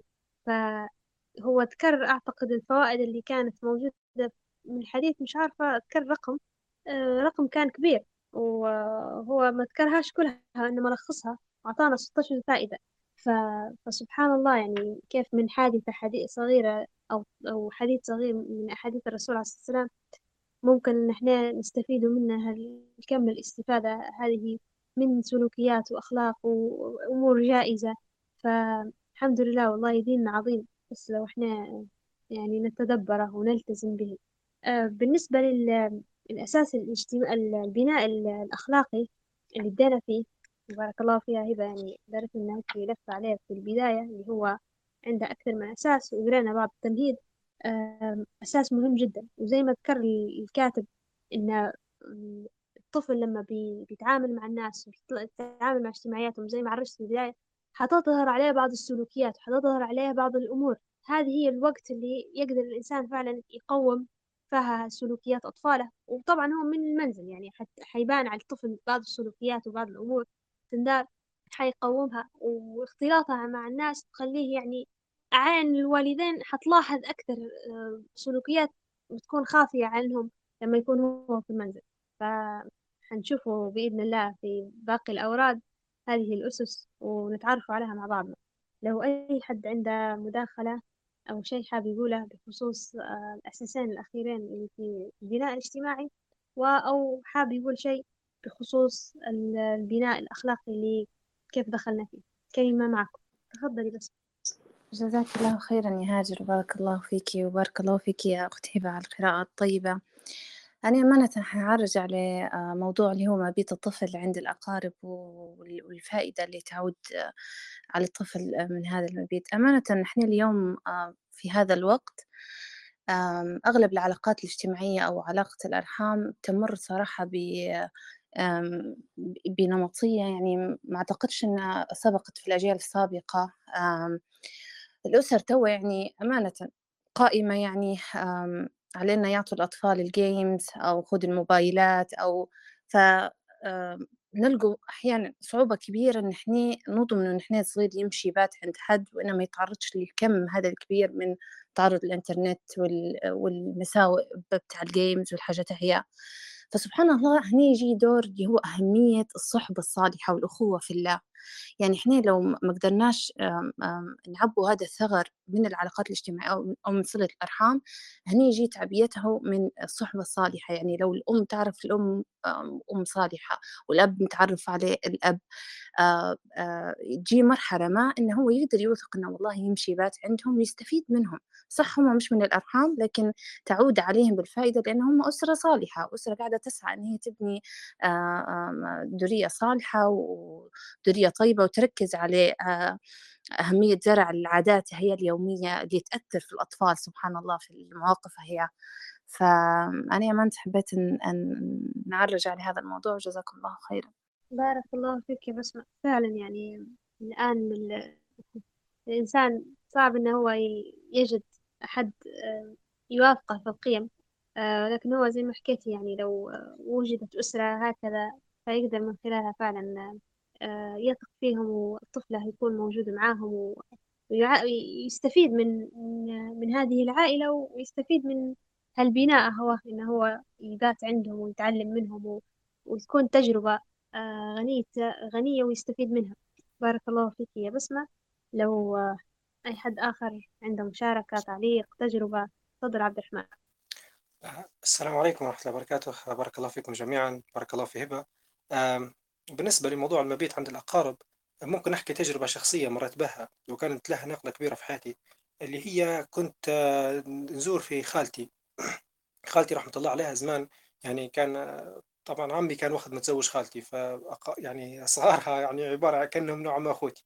فهم كانوا في مدينة مصراتة فنضطر نمشي وأنا صغير يعني مرات نمشي مع العائلة نحب نقعد غادي مرات نقول ونقعد. أو مرات لما بدأت نكبر شوية بدأت نقدر نعتمد على نفسي ناخذ الباص ونمشي مثلا مصراتة نقعد مرات بأسبوع أسبوعين شهر كذا. نحب نبات عندهم غادي. الشيء اللي كان يخلي فيا نبات غادي إنه نوع من التجديد تجديد الدم يعني الوجوه. يعني أنت ما في الحوش بوك أمك طول الوقت ولا حاجة لما تمشي غادي اولا المعامله حتتغير ديما حيعاملوك أنت كضيف مثلا إنك أنت جايهم. الشيء الثاني اللي هذا مهم جدا اللي بنقوله الآن. إن خالتي كان يعني آه، عمي متوفي رحمة الله على وقتها وكانوا صغارها كبار يعني اللي يشتغلوا اللي كذا. فكنت لما قاعد معها في الحوش غادي وأنا صغير كانت هلبة ديما تعتمد علي. تقول لي برا عبد الرحمن جيب خبزة برا جيب كذا برا اكنس قدام الحوش. راه في حاجة فوق سطحها برا جيبها. هي لم تعطي فيها في الأوامر ودير ودير ودير. عادة ما كانش في الحوش عندي الحريه هذه. ديما والدي كل شيء يدير فيه هو بروحه ولا مو يعني مش واخذ حريتي أو آه نوعا ما. لما كنت نكون مع خالتي حاسس إني في جانب رجولتي يبان إني أنا نساعد إني هي معتمدة علي فانا ندير بكل حب نطلع ونكنس وندير وكذا وكل شيء. فالجانب هذا يعني يعني خلى فيا يعني شعور طيب. ف فلهذا بديت نحس إن المفروض من الأهالي إن هم يعني إذا كان هم عندهم القدرة إنهم يعطوا صغارهم المصالحيات هذه يديروا. أو مرات يعني لما يبعتوهم لحوش أقربهم كل شيء يوصوهم مثلا. أعطوه خلوه يدير خلوه كذا لأنه هو عاده حيتحشم مرات منهم فيبدأ يدير مرات من النقطة هذه يعني ينظف ولا يعني يصلح ولا يدير أي حاجة. آه، فهذا بس الجانب صراحة كان له نقلة كبيرة علي. حتى تعيد التفكير في علاقاتك مع أبوك وأمك آه، تستاحش مثلا تحس بالشعور هذا المشاعر كلها بدها تتولد عندك. لما تنتقل من حوش لحوش تقعد مثلا على الأقل وخاصة فترة الصيف أنا أشوفها مناسبة. والله أعلم لكن زي ما قلت بسمة الآن يعني العلاقات الاجتماعية الآن والأسر تغيرت ممكن يعني خلال السنين الأخيرة هذه فالواحد يكون حريص جدا. فأنا نأيدها في نقطة إنه لو ما كانش في أقارب ممكن يكون عندهم يعني تحس بالطمأنينة أن تخلي ولدك عندهم عادي إذا كان يكون صديق صالح. والله أعلم. بارك الله فيك. بارك الله فيك يا عبد الرحمن. جزاك الله خيرا. آه، فعلا يعني نقطة الاعتماد يعني اعتماد على الطفل وتعليمه المسؤولية وإنه هو يكون مسؤول هذه نقطة مهمة جدا جدا وعرجنا لها اليوم. في الكتاب وكانت حكايتك وتجربتك إثراء للموضوع. جزاك الله خيرا. لو أي حد عنده مشاركة أو شيء حابب يضيفه فمساحة مفتوحة تفضلي هبة آه السلام عليكم. آه بارك الله فيكم على هذه المشاركات. آه في الحقيقة في جانب مبيت الطفل عند الأقارب وما إلى ذلك آه أحس أن الوالدين الآن في وقتنا الحالي أيضا يتحملون جزءا من المسؤولية لتقنين العلاقات ومع الأسرة يعني أو مع العائلة الكبيرة. ف يعني لا أدري لماذا أصبحوا يعني يختلطون بالعائلة فقط في المناسبات أو في الأعياد وما إلى ذلك. الأمر يعني يبدو لي غريبا جدا. كيف لا يكبر الطفل بين أخواله وأعمامه وجده وجدته؟ شخصيا أنا كبرت يعني بين أخوالي وجدي وجدتي فما أخذته من جدي وجدتي من حكم من أسلوب في المعاملة من رقي. آه، حتى أنهم يقولون أحيانا أنني أتعامل كالجدة الكبيرة. لأن هذا يعني رأيته في جدتي أخذت منها طباعها. فالطفل يعني حتى ولم يكن لو, ي... لو لم يكن هناك يعني أطفال أقرانه في العائلة لا بأس أن يبقى عند جده وجدته. سيجد ما لن يجده عند والديه. القصص الحكايات ما يعني ما كان في الزمن الغابر وما إلى ذلك. هذا بالإضافة إلى أنني أن أجد أن طريقة تربية الكبار للأطفال آه، مميزة جدا ومختلفة وأكثر روعة مما مما هو حاليا. وبالنسبة لأكثر ما أعجبني في, في الورد هو كيف ذكر رحمة الرسول صلى الله عليه وسلم بالأطفال وهذا شيء أنا مأخوذة به جدا. فهناك قول لأنس بن مالك رضي الله عنه وهو قول صغير وجميل جدا. يجدر بنا أن نحفظه لكي نطبقه ونقتدي بالرسول صلى الله عليه وسلم. يقول ما رأيت أحدا كان أرحم بالعيال من رسول الله صلى الله عليه وسلم. يعني وهذا رسول الله رسول القائد المجاهد آه الذي يعني كان على عاتقه حمل مسؤولية ورسالة للعالمين وآخر رسالة وإلى ذلك ولكنه لم يهمل الأطفال أبدا. بل كان يعني آه، لطيفا وحنونا معهم حتى كان يواسي عمير في طائره أو في طيره. فأيضا يعني أذكر أنني مرة قرأت أن النبي صلى الله عليه وسلم كان قد قبل الحسن بن علي أمام الأقرع. أقرع بن حابس أظن إن لم أخطئ فيه. فكان قال له الأقرع أن له عشرة صبيان أو عشرة من الأطفال ولم يقبل أحدا منهم يوما. فالرسول صلى الله عليه وسلم يقال في الحديث أنه نظر إليه وقال من لا يرحم لا يرحم. فسبحان الله يعني آه، الأب عندما لا يضم أطفاله إليه أو حتى الأم ولا يعودانهما على اللطف على الحنان سيكبر طفل آه، بشيء كثير من الفراغ العاطفي. يعني إن لم يجده في والداه في والديه عفوا. لم يكبر على ذاك الأمر فمن يرحم هذا الطفل؟ بالعكس سيكون لديه نفور من البشر وما إلى ذلك. فأجد أن الرسول صلى الله عليه وسلم كان آه، مدرسة في في اللطف وخاصة مع الأطفال وأكثر أكثر ما يؤثر في شخصيا هو آه، توصياته الكثيرة الكثيرة جدا في, في عن عن اليتامى تحديدا. فيقول في آه، في أحد الأحاديث آه، أتحب أن يلين قلبك وتدرك حاجتك يعني حاجتك أو مطلوبك أو مرغوبك ستدركه بما بماذا؟ فيقول ارحم اليتيم وامسح رأسه وأطعمه من طعامك يلين قلبك وتدرك حاجتك. فيعني أظن أن هذا أكثر الأشياء الجميلة التي وردت عن الرسول صلى الله عليه وسلم في باب ملاطفته للأطفال. أعتذر عن الإطالة وبارك الله فيكم. بارك الله فيك يا إذا جزاك الله خيرا. نقطتك الأولى بخصوص يعني أن الطفل فعلا ممكن يبات عند أقاربه الكبار في السن واللي ما يكونش عندها أقران ليهم. فعلا حتى هي نقطة مهمة والإنسان ينظر لها ويشوفها فعلا بالذات الجد والجدة يكونوا يعني ما فيش ما فيش حد في الحوش معاهم ويكون الطفل هو اللي موجود معاهم. ممكن يصير زي ما قال عبد الرحمن إنه يتحمل المسؤولية ويعتمد عليه في في في في مسؤولية البيت لما يكون هو موجود معاهم. بارك الله فيك يا هبة. جزاك الله خيرا. آه لو أي حد عنده تعقيب أو شيء حاب يذكره فنسعد بمداخلاتكم. لو ما فيش أي مشاركات فممكن ننتقل لاستكمال الورد مع وفاء. تفضلي وفاء. بسم الله. الأساس الخلقي الأول خلق الأدب. قال الحافظ ابن حجر والأدب استعمال ما يحمد قولا وفعلا وعبر عنه بأخذ مكارم الأخلاق. وقيل الوقوف مع المستحسنات وقيل هو تعظيم من فوقك والرفق بمن دونك. وقيل إنه مأخوذ من المأدبة وهي الدعوة إلى الطعام. سمي بذلك لأنه يدعى إليه. وقد سئل الجنيد رحمه الله تعالى عن الأدب فقال إنه حسن العشرة. لذا تبرز أهمية الأدب في المعاملة والعشرة حتى إنه المظهر الخارجي الذي يعبر عن الصغير والكبير. لذلك حمل الطفل عليه وقصره على ارتداء ثوب الأدب كان من أولويات التربية الخلقية.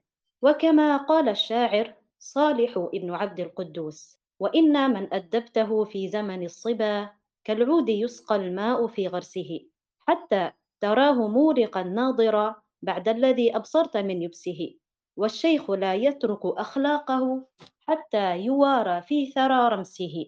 إذا العوى عاد إلى جهله كذا الضنا عاد إلى نكسه. واحد ما ورد في غرس الأدب في الأطفال. تتجلى أهمية الأدب وغرسه ونحله للطفل أكثر فأكثر عندما نرى أن الرسول صلى الله عليه وسلم أعطاه أهمية عظمى في البناء الأخلاقي حتى جعل غرسه في الطفل وتعويده عليه ليصبح طبيعة من طبائعه الخلقية وسجية من سجاياه الطبيعية أفضل من عملية الصدقة التي تطفئ الخطيئة مع ما في الصدقة من أهمية في الإسلام.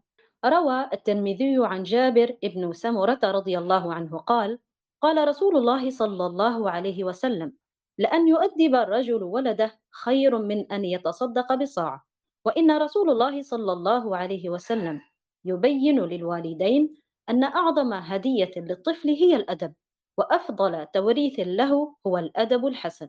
روى الترمذي عن سعيد بن العاص رحمه الله أن رسول الله صلى الله عليه وسلم قال ما نحل والد ولدا من نحل أفضل من أدب حسن لذلك كان علي المديني رحمه الله يقول توريث الأولاد الأدب خير لهم من توريث المال الأدب يكسبهم المال والجاه والمحبة للإخوان ويجمع لهم بين خيري الدنيا والآخرة. انتهى قوله. ولعل البعض يغفل عن أهمية الأدب ويعده من الأمور البسيطة يمكن التساهل فيها أو يجوز تناسيها وما يدري هذا أنه يهيئ ولده للعقوق. وما علم هذا المسكين أن غرس الأدب حق الولد على أبيه كواجب حق الطعام والشراب. روى ابن ماجه عن ابن عباس رضي الله عنهما عن النبي صلى الله عليه وسلم أنه قال أكرموا أولادكم وأحسنوا أدبهم. وفي رواية ابن أبي الدنيا أحبوا أولادكم وأكرموا أدبهم. وفي سنده ضعف. كذا قال الدكتور نجم محقق كتاب العيال. ووعى السلف الصالح أهمية الأدب ومقداره وسمو رفعته. فأيقظوا أطفالهم عليه وشبوا على ذلك ونصحوا الأمة به.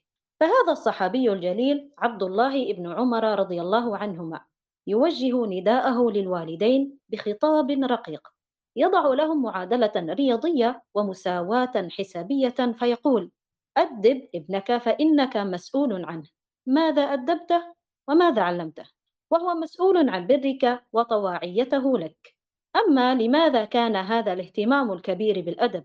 وأن يصبح سجية طبيعية في نفس الطفل فلأنه يكتسب من الأدب الصالح العقل النافذ ومن العقل النافذ حسن العادة ومن حسن العادة الطباع المحمودة ومن الطباع المحمودة العمل الصالح ومن العمل الصالح رضا الرب ومن رضا الرب الملك الدائم. ويكتسب من الأدب السوء فساد العقل ومن فساد العقل سوء العادة. ومن العادة السيئة رداءة الطبع ومن الطباع الرديئة سوء العمل ومن العمل السيء سوء القالة وغضب الله ومن غضب الله وسخطه الذل الدائم. وهكذا سار السلف الصالح يوجهون أطفالهم إلى أهمية الأدب ويورثونه لهم. فإلى حياة هؤلاء هلم سويا نصغي ونستمع ونتعلم. اثنان نماذج من حياة السلف الصالح.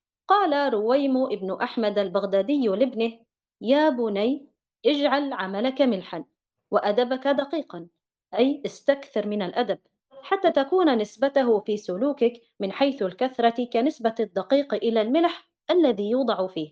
وكثير من الأدب مع قليل من العمل الصالح خير من كثير من العمل مع قلة الأدب.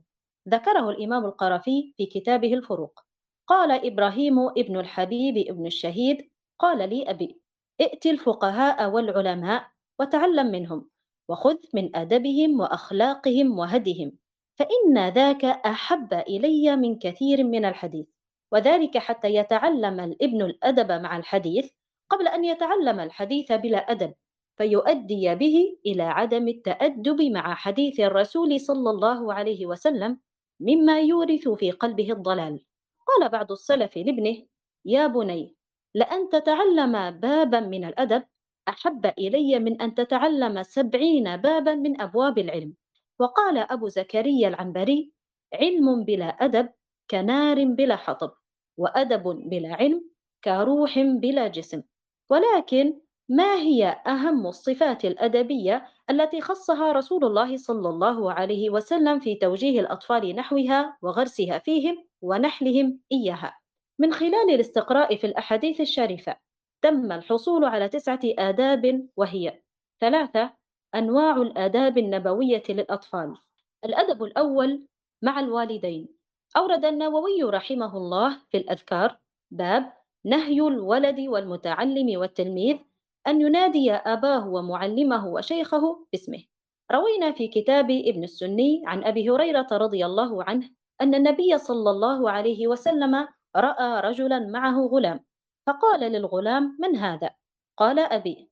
قال فلا تمشي أمامه ولا تستسب له أي لا تفعل فعلا يتعرض فيه لأن يسبك أبوك زاجرا لك وتأديبا على فعلك القبيح وهذا شرح النووي.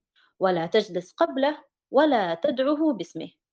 وفي مجمع الزوائد أورد ابن حجر الهيثمي قصة مشابهة لهذا الحديث.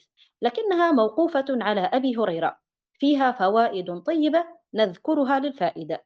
فعن أبي غسان الضبي قال خرجت أمشي مع أبي بظهر الحرة فلقيني أبو هريرة رضي الله عنه فقال من هذا؟ قلت أبي. قال لا تمشي بين يدي أبيك ولكن امشي خلفه أو إلى جانبه ولا تدع أحدا يحول بينك وبينه ولا تمشي فوق إشجار أبيك تخف. ولا تأكل عرقا قد نظر أبوك إليه لعله قد اشتهاه الإتجار أي السطح. العرق أي العظم إذا أخذ عنه معظم اللحم. ألف أدب خطاب الوالدين. أورد القرطبي في تفسيره قال أبو البداح التجيبي قلت لسعيد بن المسيب كل ما في القرآن من بر الوالدين قد عرفته إلا قوله وقل لهما قولا كريما. الآية ما هذا القول الكريم؟ قال ابن المسيب قول العبد المذنب للسيد الفظ الغليظ. وقد فسر عمر بن الخطاب القول الكريم فقال هو أن يقول له يا أبتاه يا أماه وقال تاج الدين السبكي كنت جالسا بدهليز دارنا فأقبل كلب فقلت اخسأ كلب ابن كلب فزجرني الوالد من داخل البيت. فقلت أليس هو كلب ابن كلب؟ قال شرط الجواز عدم التحقير فقلت هذه فائدة. فليكن شعار الأبناء عندما يتعلمون شيئا من الوالدين أو يستفيدون منهم أن يقولوا هذه فائدة لإدخال المسرة إلى قلوبهم وتعويد النفس على التواضع وفقني الله وإياك لذلك. انتهى الورد. جزيتي خيرا يا وفاء على قراءتك الطيبة والموفقة. وبارك الله فيك.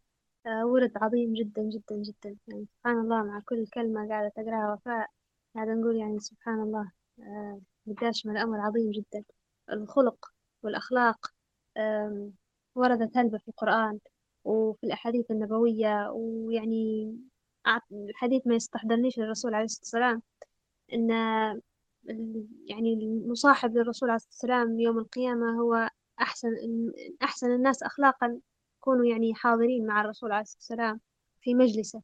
فالخلق والتخلق والأخلاق الحميدة أمرها عظيم في ديننا وهي يعني مدخل هلبة أمور منها يعني إن الإنسان ينتقل من الكفر للإيمان بسبب خلق حميد يشوفه من الشخص المسلم. يعني قبل ما نعلق حنخلي لكم المساحة لو أي حد عنده تعليق أو تعقيب فتفضل. حابة نسمع تعليقاتكم قبل ما نبدأ نعلق.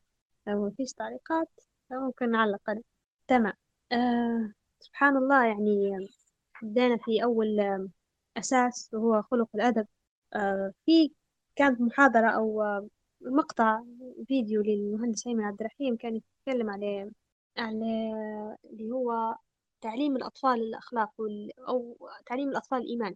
فذا الربط كان جميل جدا أن الطفل لو لم يتعلم الأخلاق ويتعلم الأشياء اللي في يومه هي الحاجات البسيطة اللي هي الشكر والأسف والحاجات هذه إن هو الإنسان زي ما هنا ذكر يعني في المعادلة اللي ذكرها مش عارفة ما هو العالم إن هي في النهاية مرات تؤدي سوء خلق مع الله عز وجل.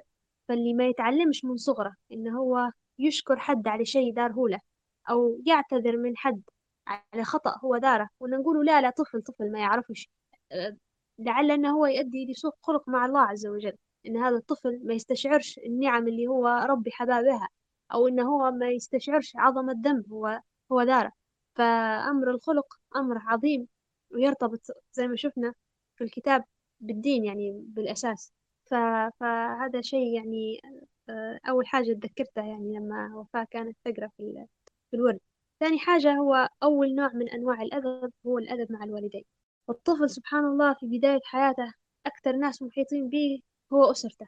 فإنه يتعلم آه، أو يعلم كيف يتأدب مع أهله ويتعلم كيف يتأدب مع أمه وأبوه يتعلم بر الوالدين من صغره. هذا أمر عظيم جدا ويكون يعني باب لأنه هو يتأدب مع الناس الثانية ويستشعر عظمتهم.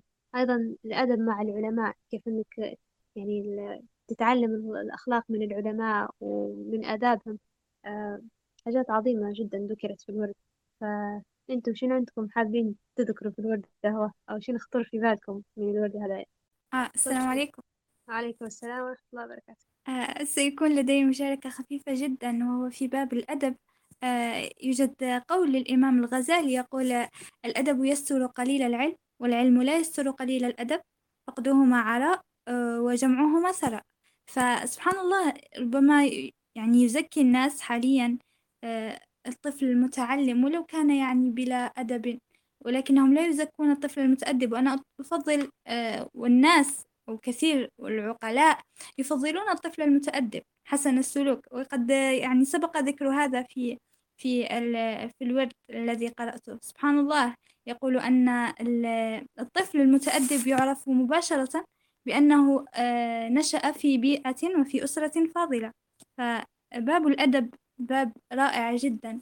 ومع تعليم الطفل يعني متى يتكلم متى يصمت آه، كيف يجيب آه، الهدوء الإنصات وما إلى ذلك من الفضائل ومما يجلب الرحمة للوالدين أيضا. وبارك الله فيكم. بارك الله فيك يا هبة.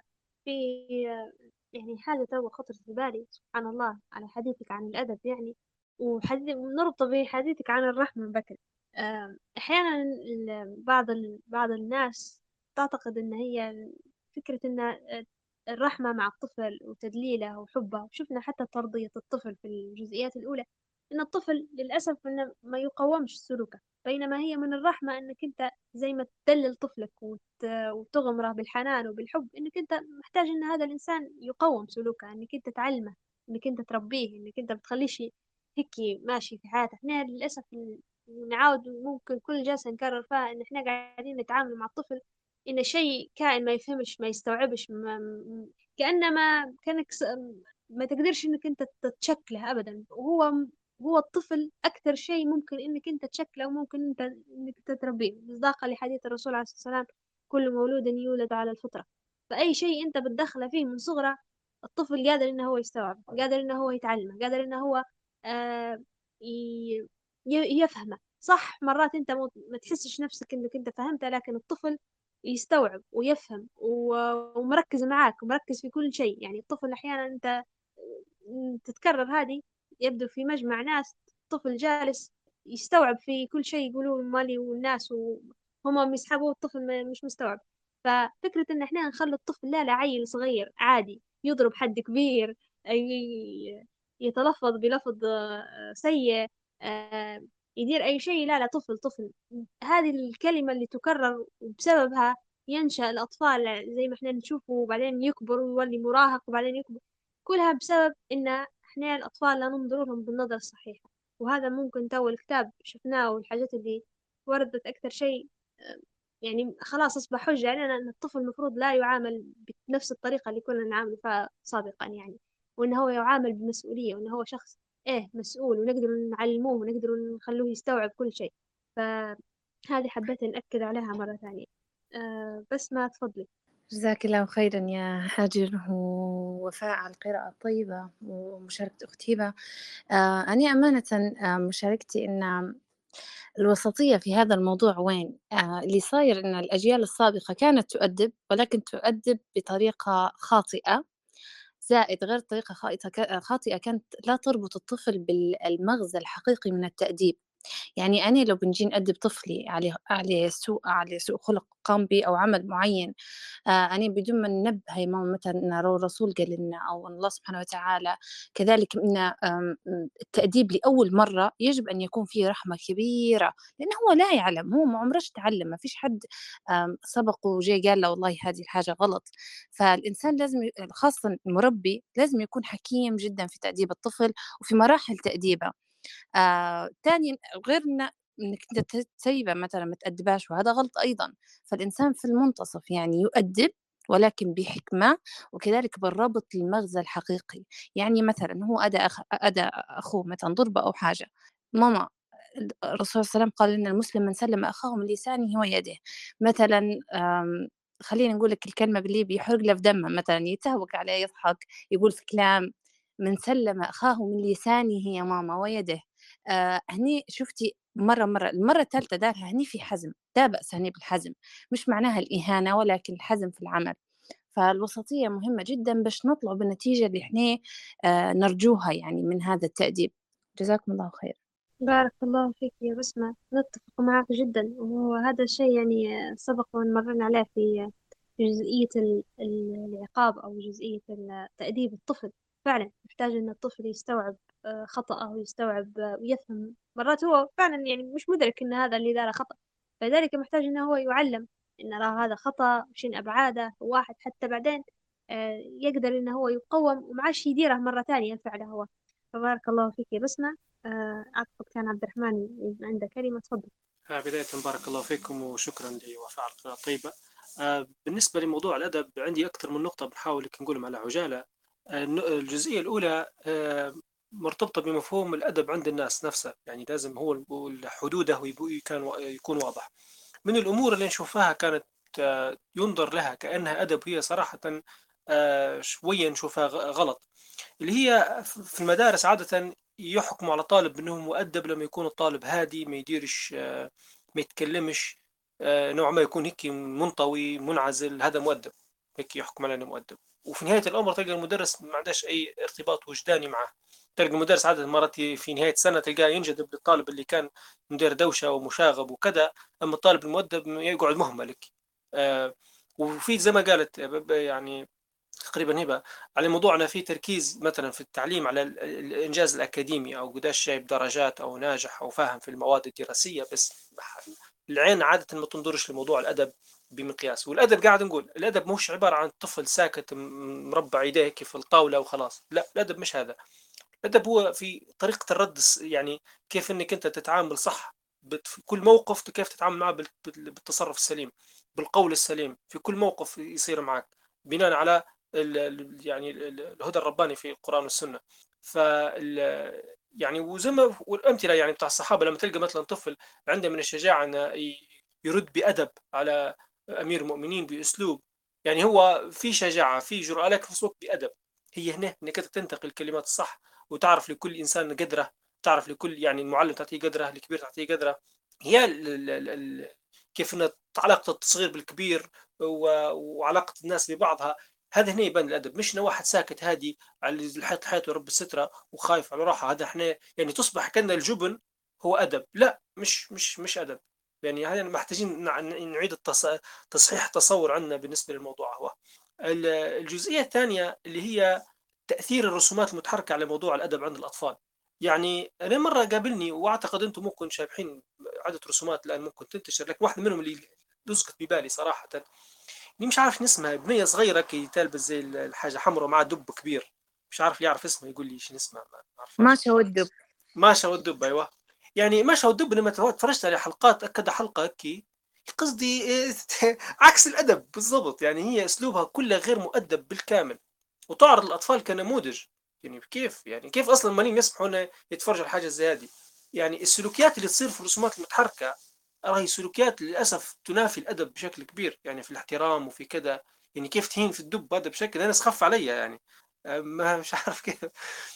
وحتى ايمات توم توم اند جيري يعني الطوسفار يعني نفرج عليها حتى هي فيها يعني هلبة سلوكيات غير مؤدبة؟ أنا كنت أحد ضحايا السلوك الغير مؤدب في توم جيري. أمي زمان تقول لي يعني زمان في شوكة كبيرة كي بيضة شوكة كبيرة مش عارف تاع سلاطة ولا حاجة. جاي لأمي نخص فيها نخص بالشوكة. ليش؟ لأني شايف الرسوم إن القطوس يدير فيها يعني ينخص. في المرأة اللي كانت موجودة ف فأنا يعني قعدت نقلد يعني نحساب انه هيك عادي يعني تدير حاجة زي هي. يعني يعني هذا حاجة بنقول ثاني الرسومات متحركة بس المهم راهو لها دور خطير جدا في موضوع الأدب آه، في التعامل مع الناس. آه، وتقريبا بس هذا هو اللي بنقوله. بارك الله فيك. بارك الله فيك عبد الرحمن. فعلا قصة الرسوم المتحركة قصتها بروحها هذه و... يعني ال...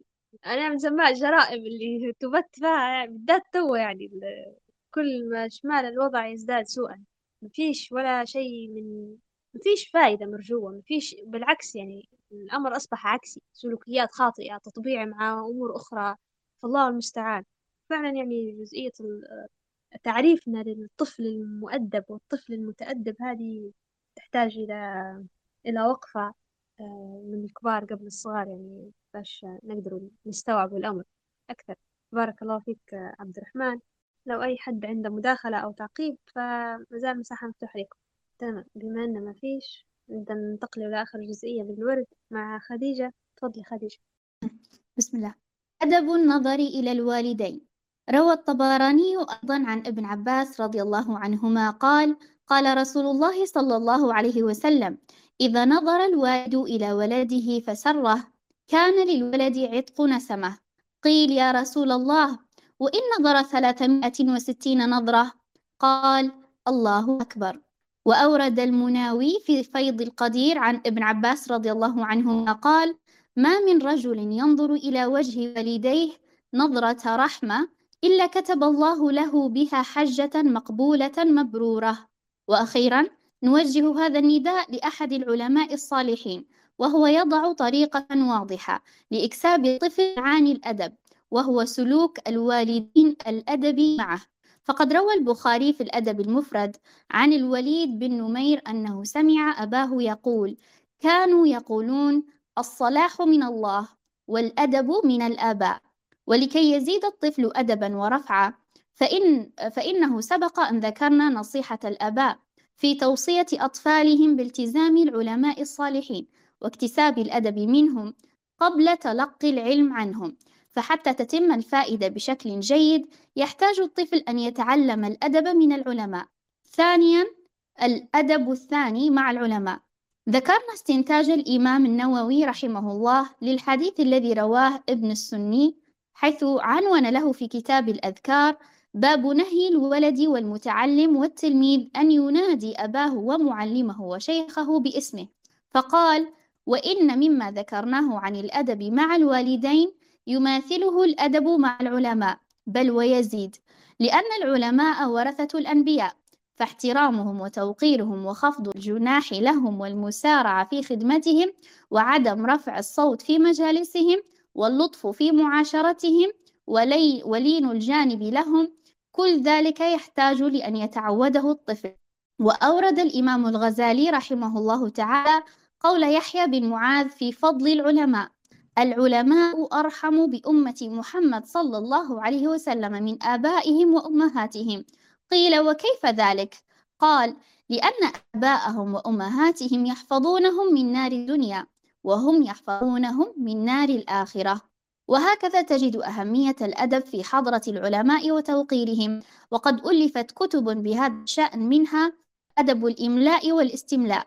للإمام السمعاني ومنها أدب العالم والمتعلم لابن قتيبة وغيرهما كثير. ألف ما ورد ورد في الأدب مع العلماء. روى الطبراني عن أبي أمامة رضي الله عنه قال قال رسول الله صلى الله عليه وسلم إن لقمان قال لابنه يا بني عليك بمجالسة العلماء واسمع كلام الحكماء فإن الله يحيي القلب الميت بنور الحكمة. كما يحيي الأرض الميتة بوابل المطر. وروى الإمام أحمد الطبراني عن عب عن عبادة بن الصامت أن رسول الله صلى الله عليه وسلم قال ليس من أمتي من لم يجل كبيرنا ويرحم صغيرنا ويعرف لعالمنا حقه. وروى الطبراني عن أبي أمامة عن رسول الله صلى الله عليه وسلم قال ثلاثة لا يستخف بهم إلا منافق ذو الشيبة في الإسلام وذو العلم وإمام مقسط. باء نماذج من أدب أطفال السلف الصالح مع العلماء. كان سعيد بن المسيب يركع ركعتين ثم يجلس. فيجتمع إليه أبناء أصحاب رسول الله صلى الله عليه وسلم من المهاجرين والأنصار. فلا يجترئ أحد منهم أن يسأله شيئا إلا أن يبتدئهم بحديث أو يجيئه سائل فيستمعون. وقد تقدم حديث ابن عمر وسكوته في مجلس رسول الله صلى الله عليه وسلم عندما وجه الرسول صلى الله عليه وسلم سؤالا فلم يجب لحضور أبي بكر وعمر رضي الله عنهما. وهذا نموذج لحبر الأمة ابن عباس رضي الله عنهما كيف كان أدبه في طفولته عندما طلب العلم من الصحابة. روى ابن كثير عن البيهقي بسنده إلى عكرمة قال قال ابن عباس لما قبض لما قبض رسول الله صلى الله عليه وسلم وجاء في الهامش تقدم قول ابن عباس بأن عمره عشر سنين لما قبض رسول الله صلى الله عليه وسلم. نعود للمتن. قلت لرجل من الأنصار هلم فلنسأل أصحاب رسول الله صلى الله عليه وسلم فإنهم اليوم كثير. فقال يا عجبا لك يا ابن عباس أترى الناس يفتقرون إليك؟ وفي الناس من أصحاب رسول الله صلى الله عليه وسلم من فيهم؟ قال فترك ذاك وأقبلت أنا أسأل أصحاب رسول الله صلى الله عليه وسلم. فإن كان ليبلغني الحديث عن الرجل فآتي بابه وهو قائل جاء في إلهامش أي نائم نومة القيلولة بين الظهر والعصر. فأتوسد ردائي على بابه. يسفي الريح علي من التراب. فيخرج فيراني فيقول يا ابن عم رسول الله صلى الله عليه وسلم ما جاء بك؟ هل أرسلت إلي فآتيك؟ فأقول لا أنا أحق أن آتيك. قال فأسأله عن الحديث. قال فعاش هذا الرجل الرجل الأنصاري حتى رآني وقد اجتمع حولي الناس يسألونني فيقول هذا الفتى كان أعقل مني. وهذا الحسن البصري البصري رضي الله عنه يوجه ابنه لأدب مجالس العلماء فيقول يا بني إذا جالست العلماء فكن على أن تسمع أحرص منك على أن تقول وتعلم حسن الاستماع كما تتعلم حسن الكلام.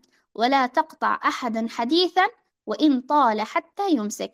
وفي ختام المطاف نورد أدب الطفل الصحابي سمرة بن جندب في حضرة رسول الله صلى الله عليه وسلم وأدبه في مجلسه. أخرج البخاري ومسلم عن أبي سعيد آه، سمرة بن جندب رضي الله عنه قال لقد كنت على عهد رسول الله صلى الله عليه وسلم غلاما فكنت أحفظ عنه فما يمنعني من القول إلا أن ها هنا رجالا هم أسن مني. الأدب الثالث أدب الاحترام والتوقير. أخرج الترمذي عن أنس بن مالك رضي الله عنه قال جاء شيخ يريد النبي صلى الله عليه وسلم أبطأ القوم أن يوسعوا له. فقال النبي صلى الله عليه وسلم ليس منا من لم يرحم صغيرنا ويوقر كبيرنا. وفي رواية أحمد والترمذي والحاكم عن ابن عمر مرفوعا ليس منا من لم يرحم صغيرنا ويعرف شرف كبيرنا. وفي رواية أحمد والحاكم عن عبادة بن الصامت مرفوعا ليس منا من لم يجل كبيرنا ويرحم صغيرنا ويعرف لعالمنا حقه. وروى, وروى أبو داود عن أبي موسى رضي الله عنه قال قال رسول الله صلى الله عليه وسلم إن من إجلال الله تعالى إكرام ذي الشيبة المسلم وحامل القرآن غير المغالي فيه والجافي عنه وإكرام ذي السلطان المقسط وعن ابن عمر رضي الله عنهما أن النبي صلى الله عليه وسلم قال أراني في المنام أتسوق بسواك فجاءني رجلان أحدهما أكبر من الآخر فناولت السواك الأصغر فقيل لي كبر فدفعته إلى الأكبر منهما. رواه مسلم مسندا والبخاري تعليقا وروى الشيخان عن أبي, آه عن أبي يحيى الأنصاري قال انطلق عبد الله بن سهل ومحيصة بن مسعود إلى خيبر وهي يومئذ صلح فتفرقا. فأتى محيصة إلى عبد الله وهو يتشحط في دمه قتيلا ثم قدم المدينة فانطلق عبد الرحمن بن سهل وحويصة ابنا مسعود إلى النبي صلى الله عليه وسلم فذهب عبد الرحمن يتكلم.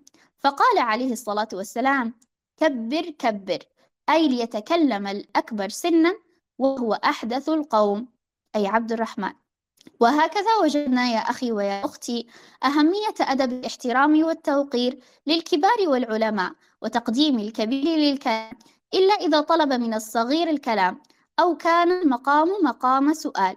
الأدب الرابع أدب الأخوة. تقدم أدب احترام الصغير للكبير وتوقيره ورحمة الكبير للصغير. وهذا رسول الله صلى الله عليه وسلم لا يسمح لأي أخ سواء كان صغيرا أم كبيرا أن يشهر أي نوع من السلاح لتخويف أخيه وإلقاء الرعب في قلبه. أخرج مسلم عن أبي هريرة رضي الله عنه قال قال رسول الله صلى الله عليه وسلم من أشار إلى أخيه بحديدة فإن الملائكة تلعنه حتى يدعه وإن كان أخاه لأبيه وأمه. ويؤكد صلى الله عليه وسلم للأبناء أن الأخ الكبير له منزلة خصوصية في الإسلام وما ذاك إلا لتحمله أعباء الأسرة ومسؤولية تربية إخوته الصغار ورعايته لهم. روى الطبراني عن كليب الجهني رضي الله عنه وكانت له صحبة. قال قال رسول الله صلى الله عليه وسلم الأكبر من الإخوة بمنزلة الأب فإذا ما غرس الوالدان في نفس الإبن الكبير العطف والحب لإخوته الصغار وغرسا في نفس الصغير الاحترام والتقدير للأخ الكبير فإنه بذلك تسير الأسرة سيرا متوازنا كل يعرف واجبه نحو الآخر قبل أن يعرف حقه عليه. الأدب الخامس أدب الجار. الجار له حقوق كبيرة في الشريعة الإسلامية وما ذلك إلا لتقوية روابط المجتمع المسلم. وقد كان للطفل آداب مع أطفال جيرانه ندب إليها الرسول صلى الله عليه وسلم الآباء لتعويد أطفالهم عليها من حسن التحسس بآلامه وعدم إيذائه بأي طريقة من طرق الإيذاء. وفي مقدمتها عدم خروج الطفل وبيده شيء من الطعام يأكل منه أو فاكهة يتناولها ليغيظ بها ولد الجار الذي قد لا يملك والداه أن يشتريا له أو أن يكون الجار في ضائقة مالية لا تمكنه من الشراء الفوري. وبذلك يتعود الطفل ألا يأكل في الطريق وإنما بالبيت ليكون ذلك أدعى إلى الالتزام بالآداب العامة. فمما رواه الخرائطي والطبراني عن عمرو بن شعيب قوله صلى الله عليه وسلم وإن اشتريت فاكهة فأهدي له فإن لم تفعل فأدخلها سرا ولا يخرج ولدك ليغيظ بها ولده. فعدم إغاظة الطفل لجيرانه من الأطفال مطلب نبوي لكل طفل مسلم يحب رسول الله صلى الله عليه وسلم ولكل أب وأم بهذه الآداب عندما يلتزم بها المسلمون ويتعاملون بها وفقني الله وإياك لذلك. ومن عظمة هذه التوجيهات النبوية في معاملة الجيران ما أخبرني به أحد الشباب الذين أسلموا عن عن سبب إسلامه قوله لي معاملة جيراننا المسلمين لنا المعاملة الحسنة الكريمة وكأنني واحد من أسرتهم عشت مع أطفالهم أثناء طفولتي. انتهى الورد. بارك الله فيك يا خديجة. جزاك, جزاك الله خيرا على قراءتك الطيبة والموفقة و... نستكمل في هذه الجزئية من الورد أو استكملنا في هذه الجزئية من الورد وما زال هو. أنواع الآداب زي ما قال عبد الرحمن يعني ممكن هذه الجزئية قاعدة توري فينا معنى الأدب الحقيقي مش المعنى اللي نحن نعرفوه. مرينا بالأدب مع الوالدين و... وقرأنا فيها الأدب الأول كان حول أدب خطاب الوالدين وتوا قرأت خديجة أدب النظر للوالدين. سبحان الله يعني كيف الإنسان لما ينظر نظرة رحمة لوالديه يكتب الله لها حجة مقبولة مبرورة. فسبحان الله يعني هذا النوع من الأدب والتأدب مع الوالدين إنه ينغرس في, الطفل من صغره آه ويكونش تعب في عملية إنه هو يبر والديه لما يكبر. قيمة عظيمة جدا وشيء عظيم جدا يربى عليه الطفل. بعدين جانا للأدب الثاني مع العلماء.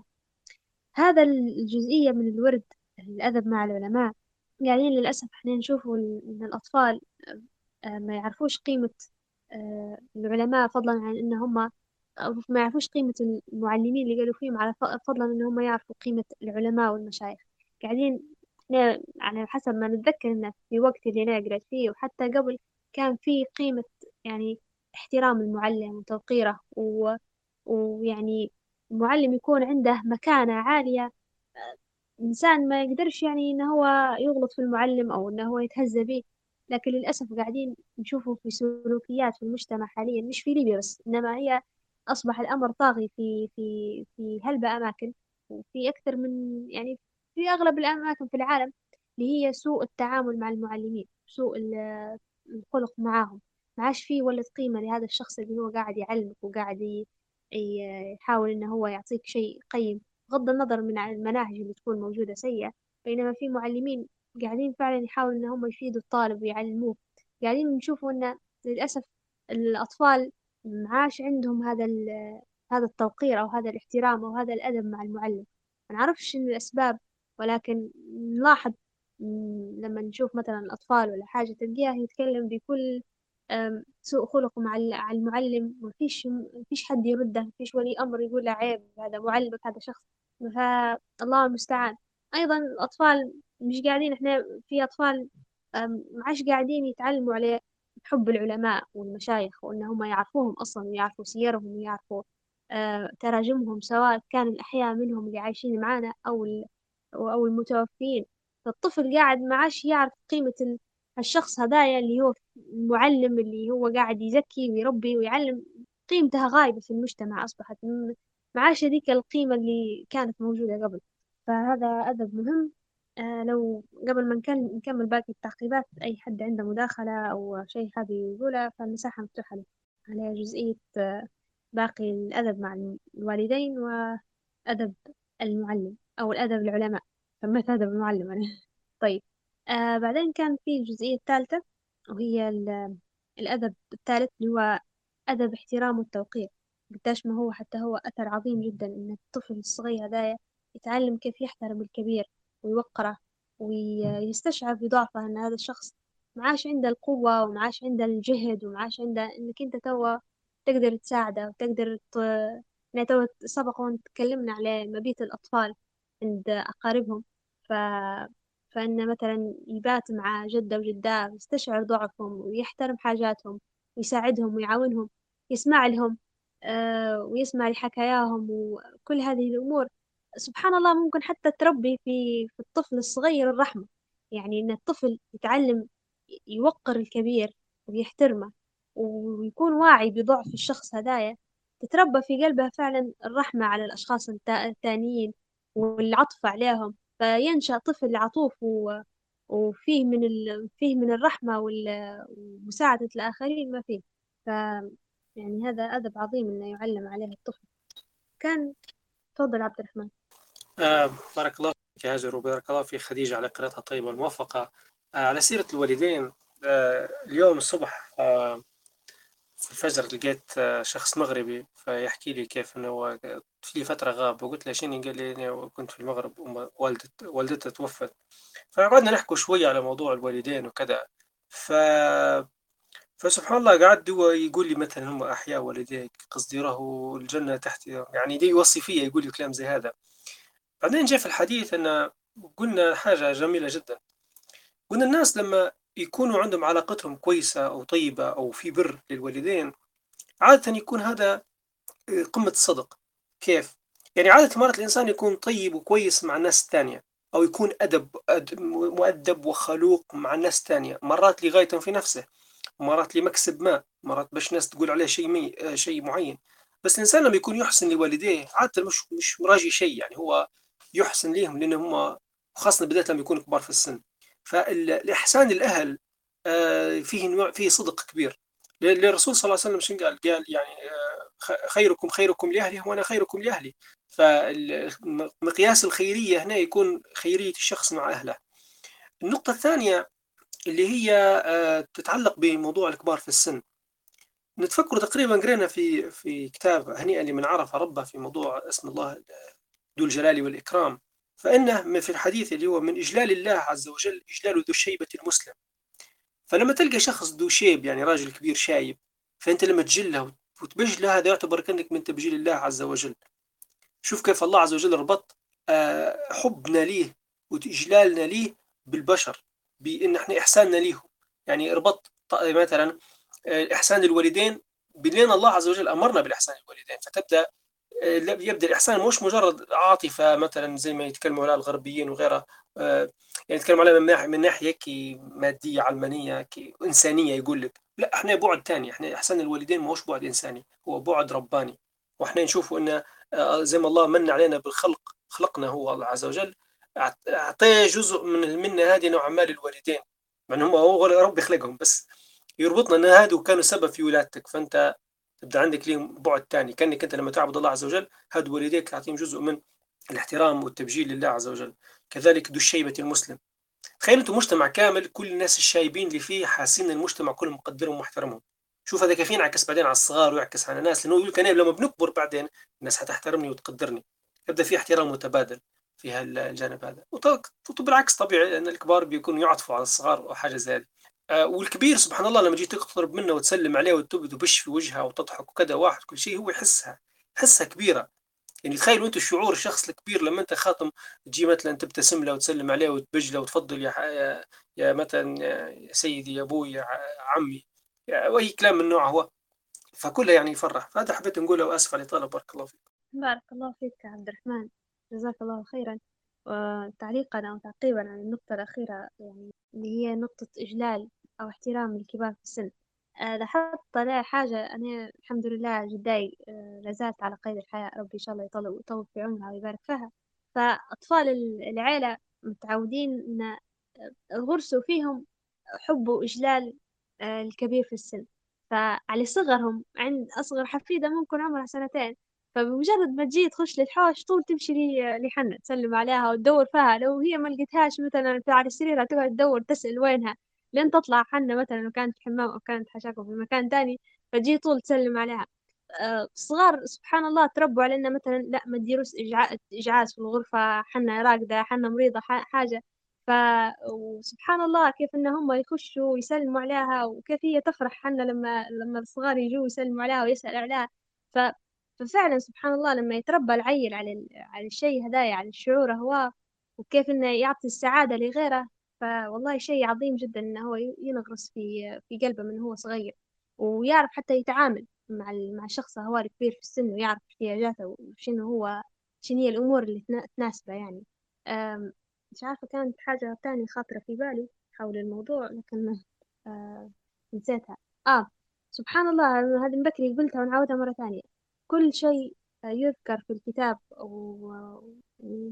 ويحثنا الكاتب على إن إحنا نعلموه على العيل. هي سلوكيات قاعدة تفيد الطفل في كبره يعني سبحان الله لما هو قاعد يتعلم أول حاجة بر الوالدين هذا أمر واجب وفرض.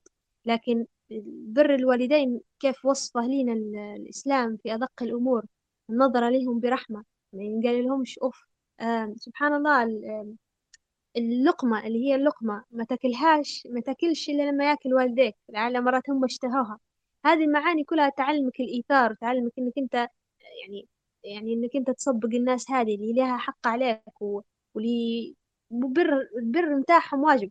فالإيثار والتواضع والرحمة وهذه كل المعاني لما تنغرس في الإنسان من صغره بإذن الله مش حيضل يعني بعون الله. ف... قداش ما ديننا فعلا دين عظيم جدا ويصقل الإنسان ويربيه ويهذبه من صغره. فسبحان الله. كان آخر أدب آه في أدبين ما زالوا أدب الأخوة وأدب الجار. والأخوة سواء كانت أخوة الدم ولا أخوة أخوة الإسلام سبحان الله يعني أمر أمرها معظم في في ديننا. يعني حثنا على حثنا الإسلام على الأخوة في الدين وهي أعلى مرتبة من أخوة الدم. كيف سبحان الله يعني ما تأذيش هذا الشخص وتحب تحب تحب زي ما تحب لنفسك تحب تحب الشيء ليه. آه الغيبة وكيف كيف إن هي محرمة وكيف إن ما تصيرش كل هذه الأمور سبحان الله تورينا آه عظم هذه هذا الرابطة اللي تكون بين بين المسلمين. وأدب يتعلمه الطفل من صغره. زي ما حكيت بس من بكري لما العيل مثلا يزعج هو أو شيء ف... فيقول لما كيف حديث الرسول عليه الصلاة والسلام يتعلم الطفل كل هذه الأمور آه حاجة مهمة جدا. آخر أدب كان هو الأدب مع الجار. كيف إن الطفل ما يؤذيش جاره معنويا ولا حسيا. ف... وهذا كل كل المعاني سبحان الله يعني معاني جليلة جدا. كيف إنه ما يأكلش قدام ابن جاره وما يغيظاش. فسبحان الله آه فعلا والله معاني عظيمة جدا. مش عارفة لو عندكم تعقيب على الأدبين هذوما ولا ولا لا. فلو عندكم يا ريت تفيدونا. تمام يبدو أن ما فيش أي مشاركات. اليوم كان ورد عظيم جدا وآداب عظيمة جدا و... وأمور ذكرت يعني إن شاء الله ربي ينفعنا بها ونطبقها و... وتكون عمل آه مش بس مجرد قول إحنا نقوله فيه. آه وصلنا لختام هذه الجلسة. بارك الله فيكم على حسن استماعكم وعلى مشاركاتكم. نلتقي بإذن الله في الثلاثاء القادم في جلسة جديدة. حول كتاب منهج التربية النبوية. نختم بكفارة المجلس. سبحانك اللهم وبحمدك. أشهد أن لا إله إلا أنت. نستغفرك ونتوب إليك. بسم الله الرحمن الرحيم. والعصر إن الإنسان لفي خسر. إلا الذين آمنوا وعملوا الصالحات وتواصوا بالحق وتواصوا بالصبر. والسلام عليكم ورحمة الله وبركاته.